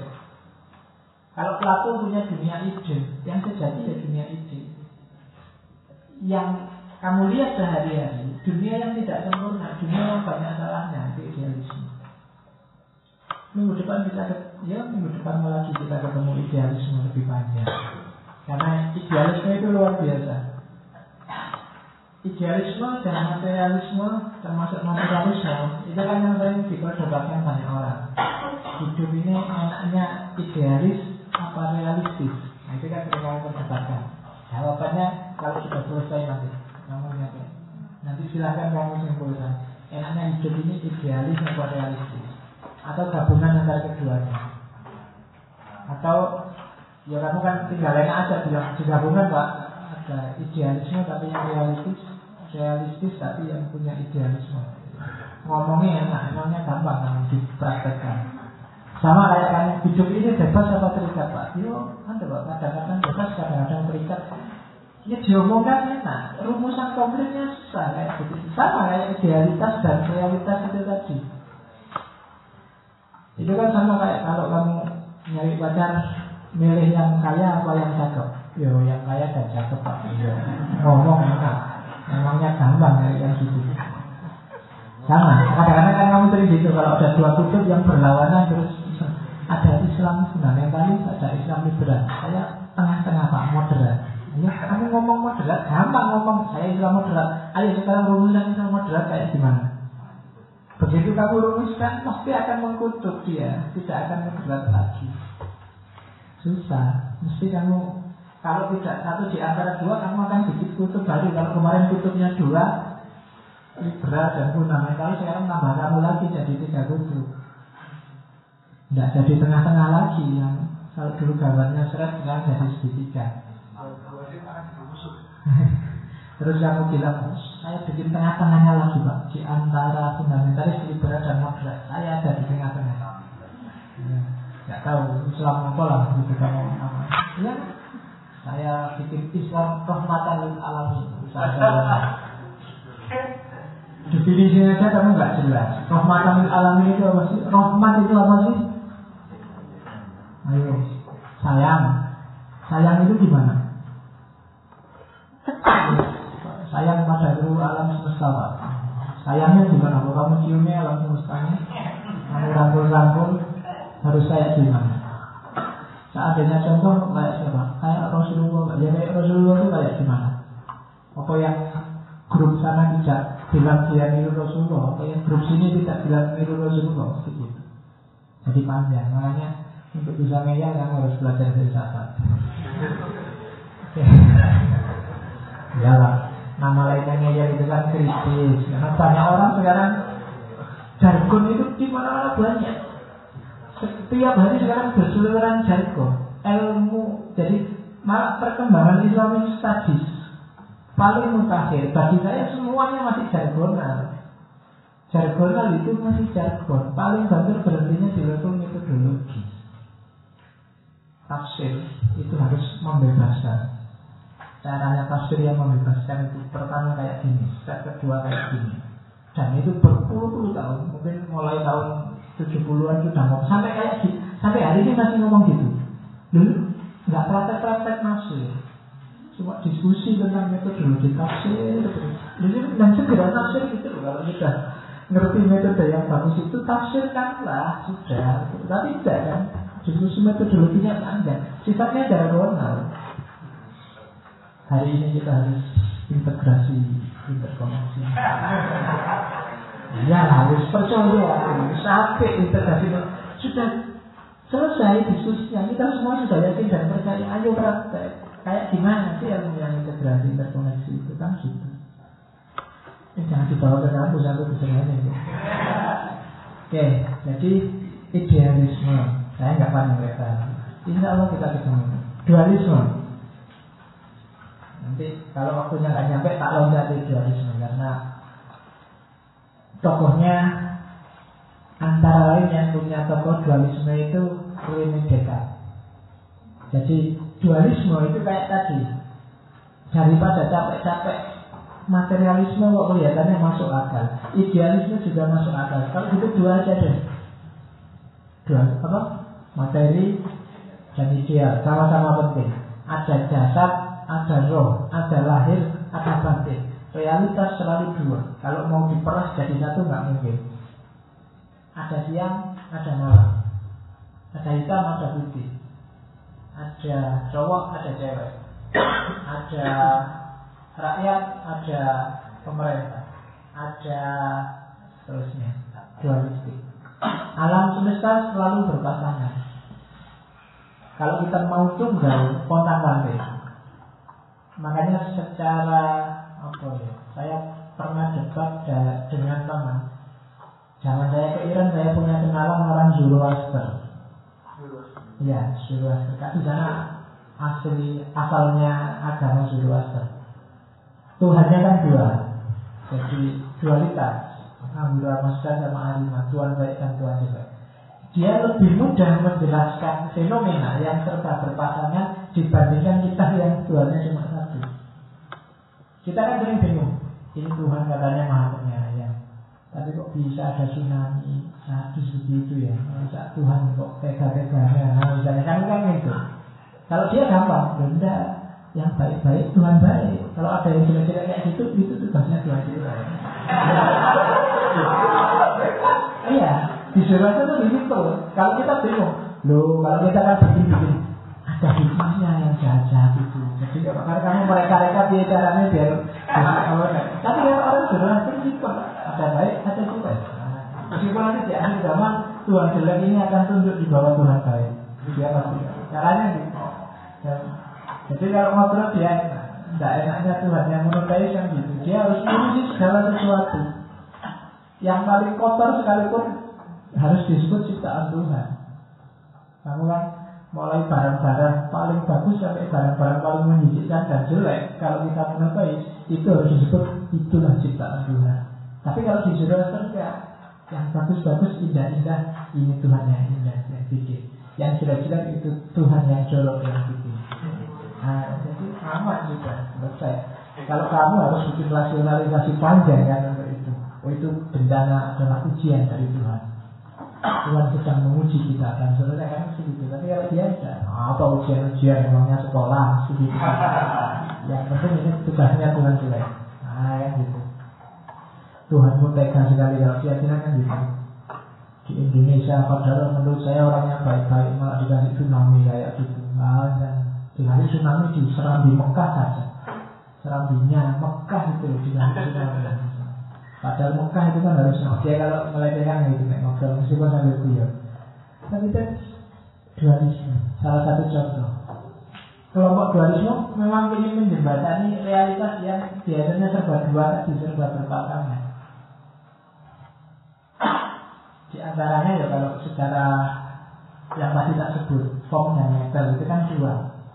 Itu yang nanti diadopsi oleh Aristoteles jadi ideologi namanya hilomorfisme. Jadi hilomorfisme itu segala sesuatu ada meternya, ada formnya.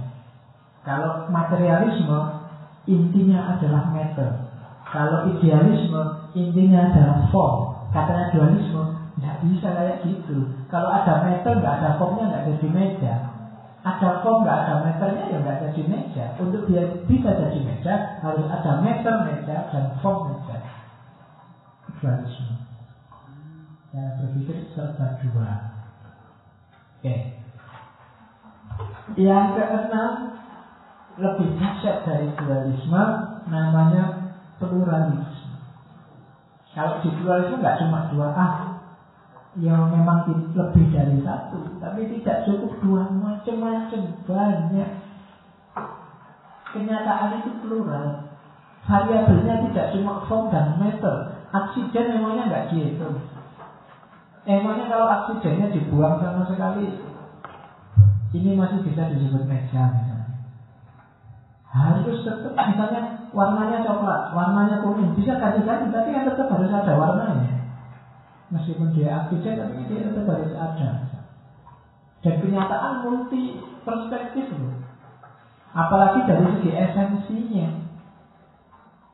Ini kamu bilang esensinya adalah tempat untuk naruh barang.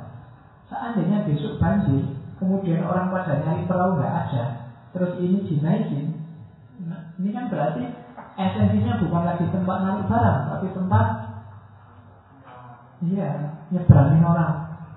Dia jadi perahu dadaan. Realitas plural, kenyataan itu macam-macam. Kenyataan itu tergantung perspektif. Kenyataan itu tergantung standpoint.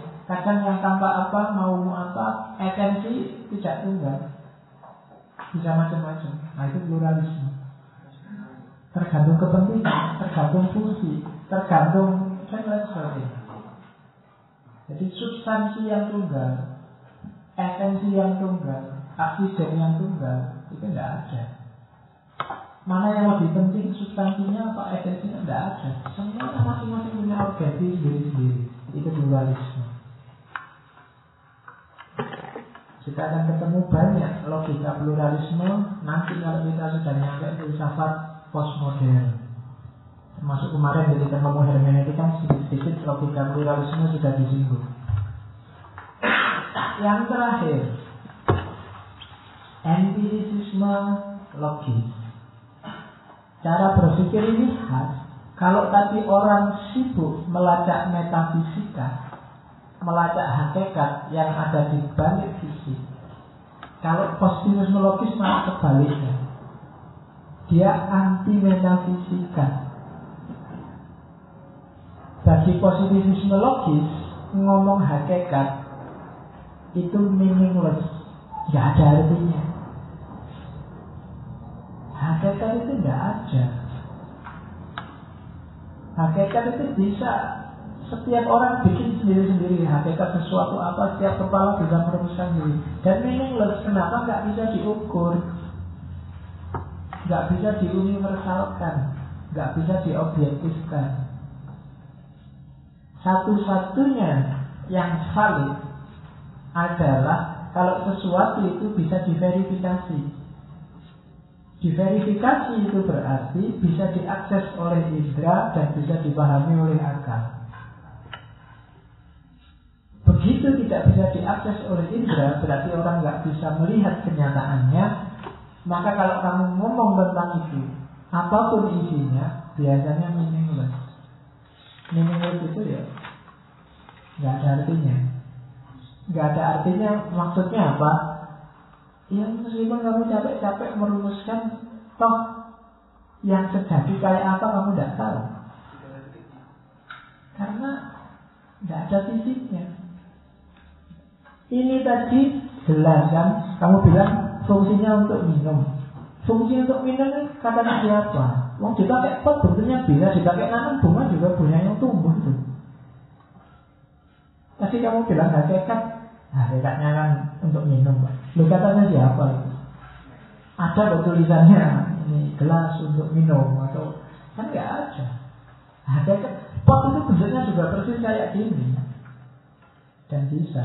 Baik katanya posisi logis, parameternya bukan apakah itu metafisik bisa diakses atau enggak, tapi bisa disentuh oleh panca indera apa enggak?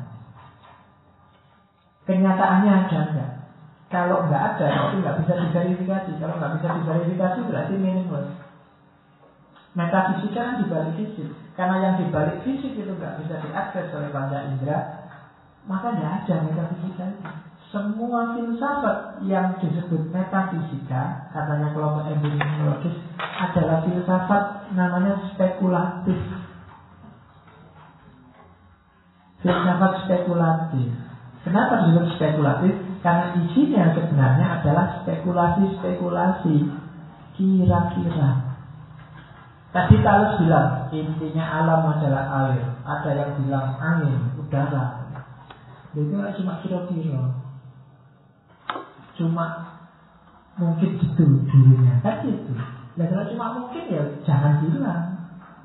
Berarti meaningless kamu tidak punya bukti nyata tidak punya bukti konkret itu katanya empirisisme logis jadi sesuatu harus empiris dan masuk akal. Kalau tidak empiris tidak nyata berarti. Dan yang tidak nyata ya berarti ya tidak valid ya tidak dapat diverifikasi kalau kamu bilang alam intinya dari air, tunjukkan aspek empirisnya. Kalau tidak bisa ya berarti itu meaningless, ngomong kosong. Kamu bilang I love you tiap hari tapi SMS nggak pernah, jemput nggak pernah. Kalau ke warung disuruh bayarin nggak mau, yo. itu namanya meaningless. nah, jadi ungkapan cintamu nggak ada artinya, apa gunanya punya pacar? Kalau ya, disuruh nganter nggak mau, disuruh traktir nggak mau. Kalau SMS perhitungan, ya kan? Meaningless berarti. Suruh SMS nunggu besok kalau ada gratisan baru kamu ke SMS. Nah itu berarti meaningless. Untuk tidak meaningless harus dapat diverifikasi. Verifikasi berarti apa? Bisa diakses secara empiris. Kamu bilang I love you, buktinya apa?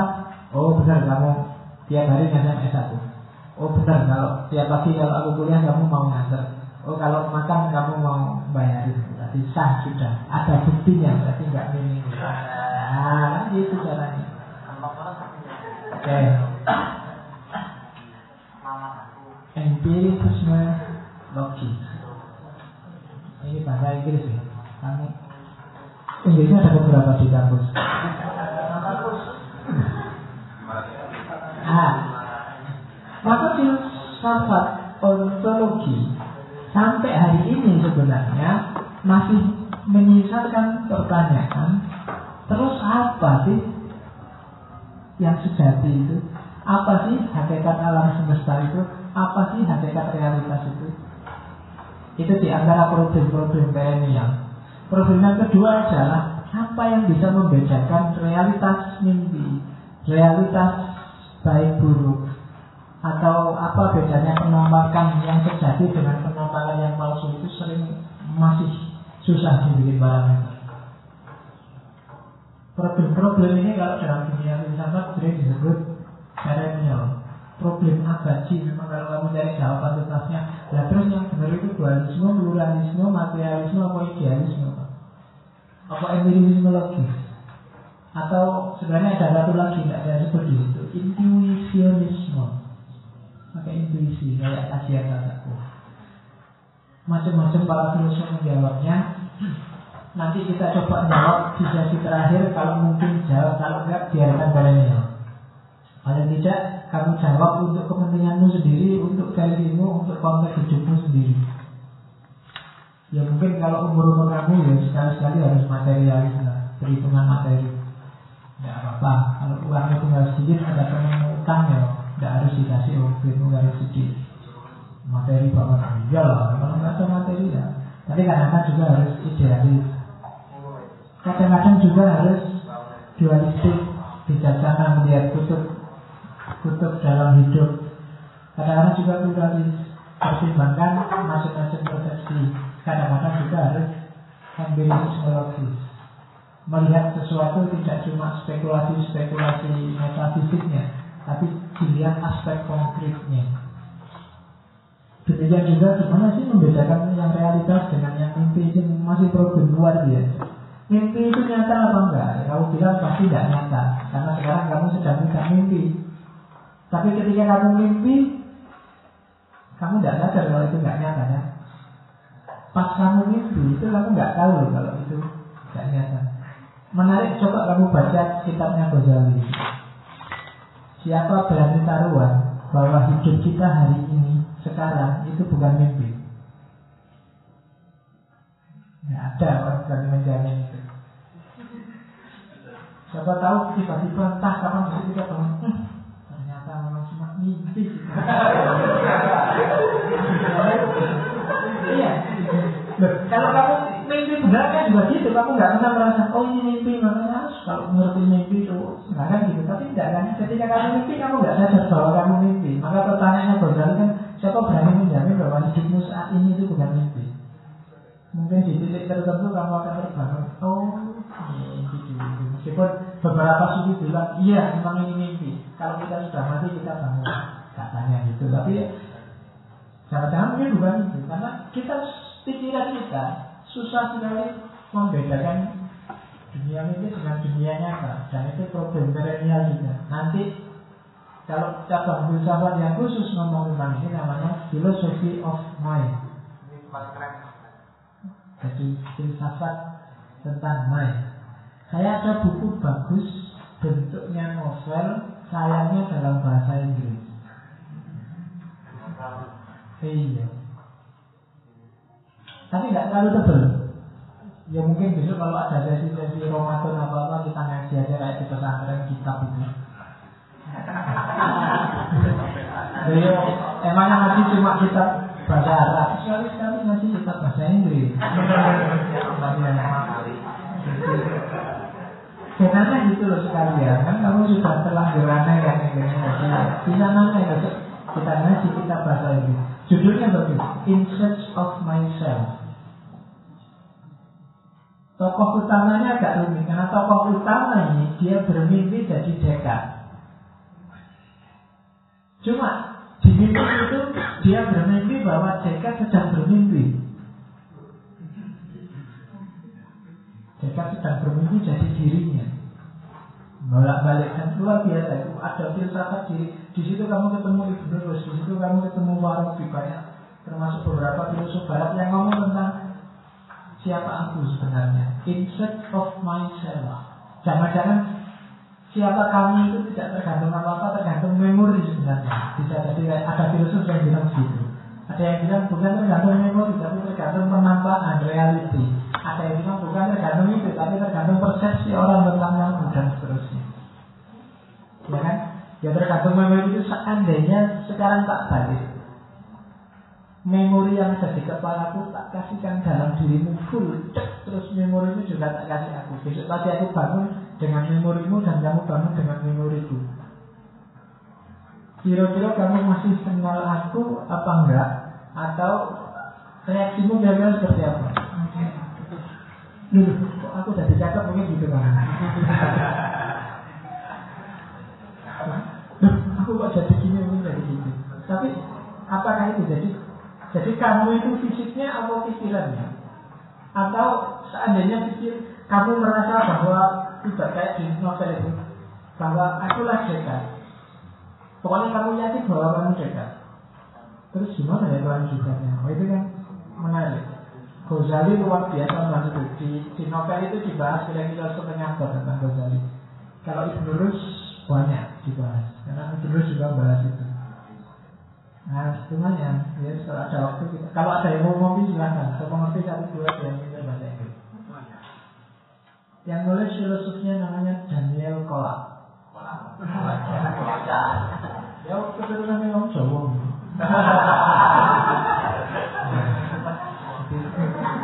mungkin itu kan Daniel itu Belatra bapaknya Kanada ibu Klaten itu Daniel sekolah. Oke jadi itu pengantar untuk hari ini ya sudah. Malam. Ada pertanyaan nggak? Satu dua. Silahkan ini baru saya antarkan. Diantarkan pun hanya baru seperempat jalan untuk mengantarnya iya. Jadi mungkin pengantarnya karena tadi saya harus ngomong satu-satu ini materialisme sendiri, idealisme sendiri, mungkin pengantarnya bisa tiga empat kali bersama. Setelah itu baru kita masuk yang pertama filsafat alam kosmologi, kemudian filsafat ketuhanan, kemudian filsafat manusia. Oke, ada yang ditanyakan? Ya kalau di buku-buku ontologi itu bidang yang paling mengerikan, padahal sebenarnya enggak. Yang bikin ngeri adalah karena di Indonesia kebanyakan buku-buku filsafat ontologi itu terjemahan. Itu yang bikin. Karena diterjemahkan ya kayak tadi bahasa Indonesia agak ini. Ada penampakan, ada penampakan, ada ketampakan itu yang susah. Ada tanda, ada penanda, ada petanda, ada tanda-tandanya, ada ini susah kan? Rumit. Jadi itu gara-gara terjemahan bahasa Indonesia. Jadi agak rumit. Oke, kalau nggak ada, iya. Dua langsung. Yang Waalaikumsalam. Ini mas ya, maksudnya, maksudnya Pak Pak masih di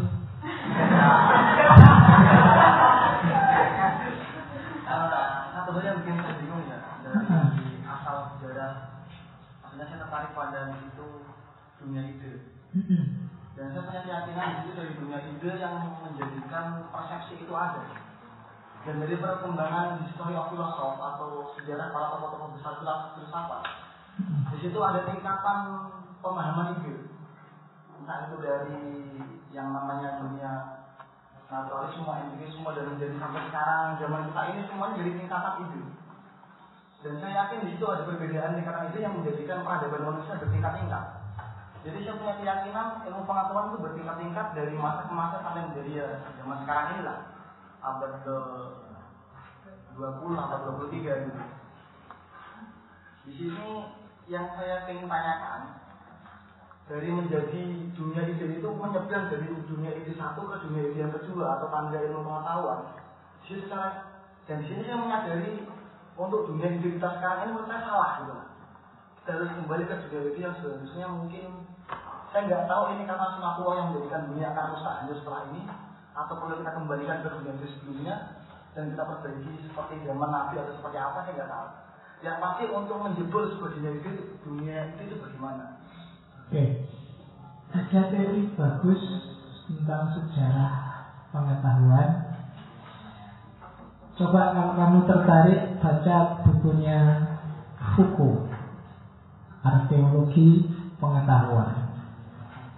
Jadi bagaimana nanti kamu cari cara dia menjelaskan genealogi pengetahuan bahwa ide pengetahuan itu sisanya genealogis.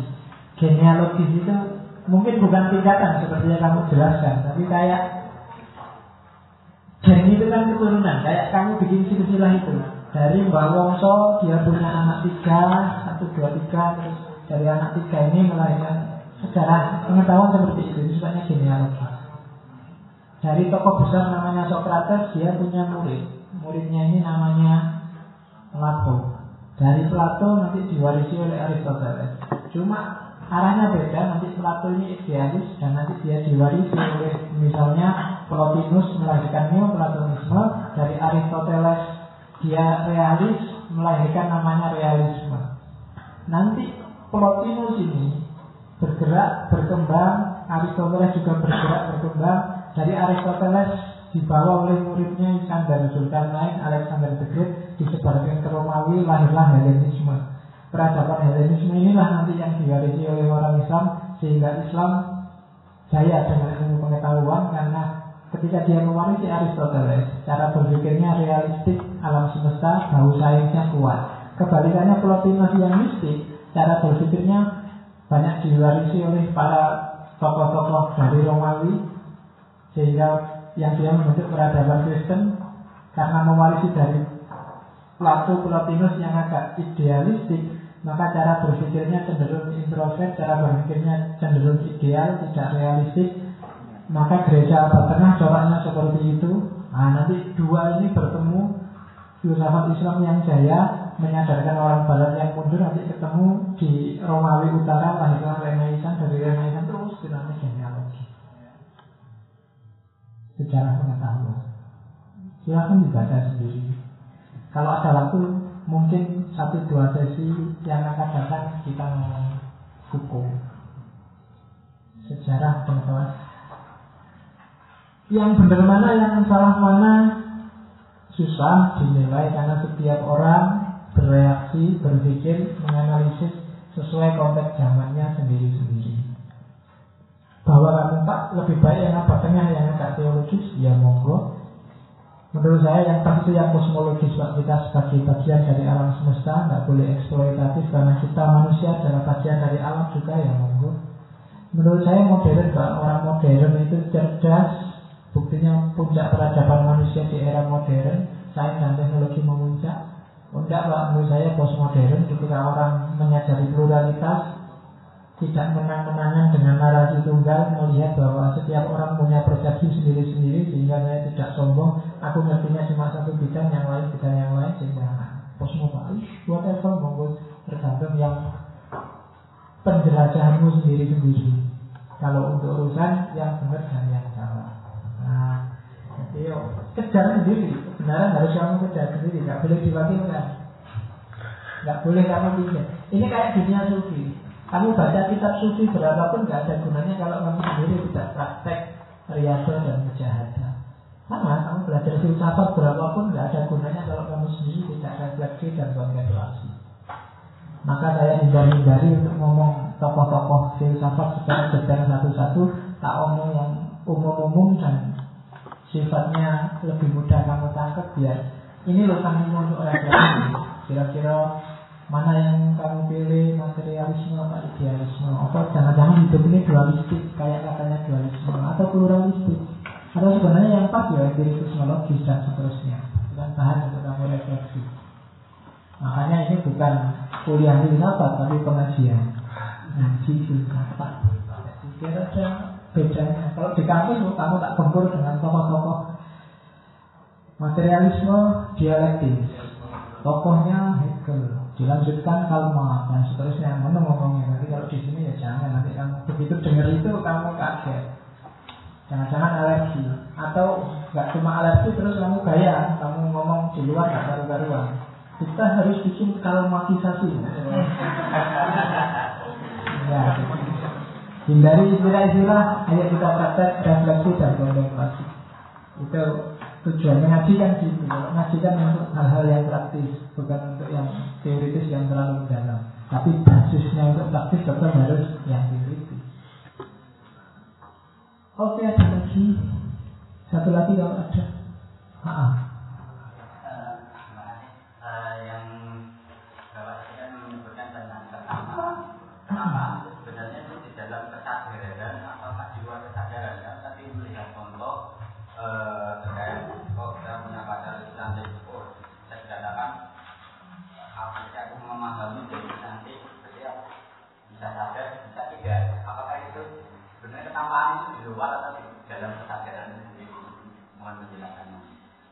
Urusannya bukan sadar atau tidak sadar, tapi urusannya mungkin lebih pas antara subjektif dan objektif.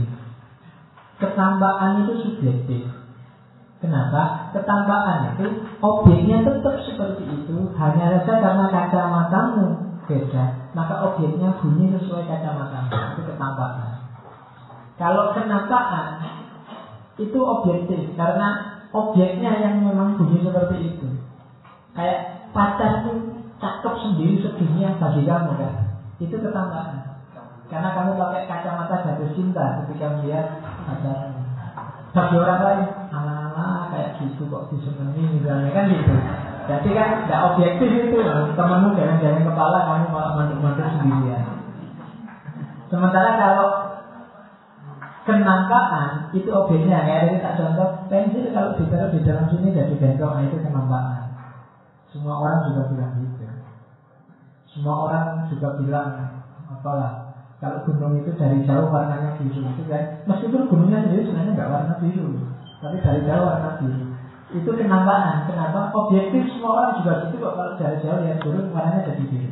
Tapi kalau dulu gunungnya kok warnanya oranye ya? Nah itu mungkin ketamaan mungkin kamu sedang berputar-putar atau stres atau pakai kacamatanya kecil yang oranye itu sehingga wah gunungnya jadi oranye subjektif itu jadi tulisannya bukan apa tadi? Ya tapi bukan sadar atau tidak sadar. Dua-duanya sadar. Kalau tidak sadar nggak bisa baca. Ya ketika kehilangan kesadaran kamu nggak bisa baca apa-apa. Mesti keliru bacaannya. Kalau benar itu berarti nggak sengaja. Sama-sama sadar cuma yang satu pengaruh kacamata yang satu memang objeknya seperti itu. Dibedakan dengan realitas dengan kenyataan. Karena kalau kenyataan itu asli kayak tadi pensil kenampakannya bengkok padahal kenyataannya nggak bengkok. Nah, itu bedanya di situ oke? Ya wes. Mau nanya pak. Misalnya kita dihadapkan, dihadapkan dengan orang yang punya basic materialistik misalnya. Hmm. kemudian sedangkan background kita itu dari sofistik atau apa namanya idealis. Misalnya diibaratkan contohnya Tuhan itu Tuhan itu gimana sih di mana? Kan ketika ada orang yang nanya dari materialis itu kan pasti membutuhkan jawaban yang berupa materi itu gimana misalnya sikap kita dari basic yang apa sofistik maupun selain materialis oke. Kalau kritik terhadap materialisme jelas dari idealisme. Cuma kritik terhadap dua-duanya nanti banyak teorinya. Yang jelas dua-duanya melihat realitas yang kompleks dari satu perspektif yang tunggal. Kalau ada yang tanya, Tuhan itu mana materinya? Ya jawabannya Tuhan tidak materi. Selesai sudah. Kalau kamu menuntut bukti yang material, Tuhan tidak punya materi. Tidak ada materi, tidak meruang dan tidak berwaktu. Iya, lo dia saja. Pikiranmu memangnya mati. Kalau ada yang tanya, ayo coba kamu punya ide enggak? Punya. Coba tunjukkan padaku mana ide. Kan nggak bisa. Kayak tadi. Kalau saya tanya, Tuhan akan nggak ada. Bukti materinya mana? Loh, emangnya yang ada harus ada materinya. Banyak hal yang tidak ada materinya, tapi dia ada. Saya bilang tadi, lamunanmu itu ada. Tapi kalau ditanya mana lamunannya, gambarnya mana, fotonya mana, nggak ada. Tapi lamunannya kan jelas ada. Jadi kalau pakai teori-teori yang depan tadi. Jadi tidak semua yang ada itu ada materinya. Tapi Tuhan ada jelas. Tapi kalau real mungkin tidak. Kalau real dalam arti konkret dan eksisten pasti enggak. Kalau dalam arti meruang dan waktu. Tapi dia ada. Paling bahkan bagi di orang yang bertanya itu kan Tuhan ada. Meskipun Tuhannya dia bertanya ya. Ada sebagai ide di kepalanya tentang Tuhan. Sekarang bahasa di rodo yang sedikit. Kalau orangnya masih ngeyel ya, jangan dilatih sih waras malah. Kayak itu bikin pening. Ada Enggak, ya kamu tinggal lihat profil orang yang tanya. Ada orang tanya itu ngetes, ada yang ingin tahu yang kebenarannya mana, ada yang cuma sekedar ingin menjatuhkan kita, ada yang jadi analisis kalau memang urusannya dalam rangka tukar pikiran ya dilanjutin, tapi kalau dalam rangka menang-menangan ya, oh ini semua salah ya, tidak apa-apa. Oke ya, sudah jam 10 kurang sedikit. Eh, ini kan enggak? Enggak saya lihat coba boleh ya. Oke, okay. insya Allah ketemu lagi minggu depan. Saya Rizyan. Assalamualaikum warahmatullahi wabarakatuh.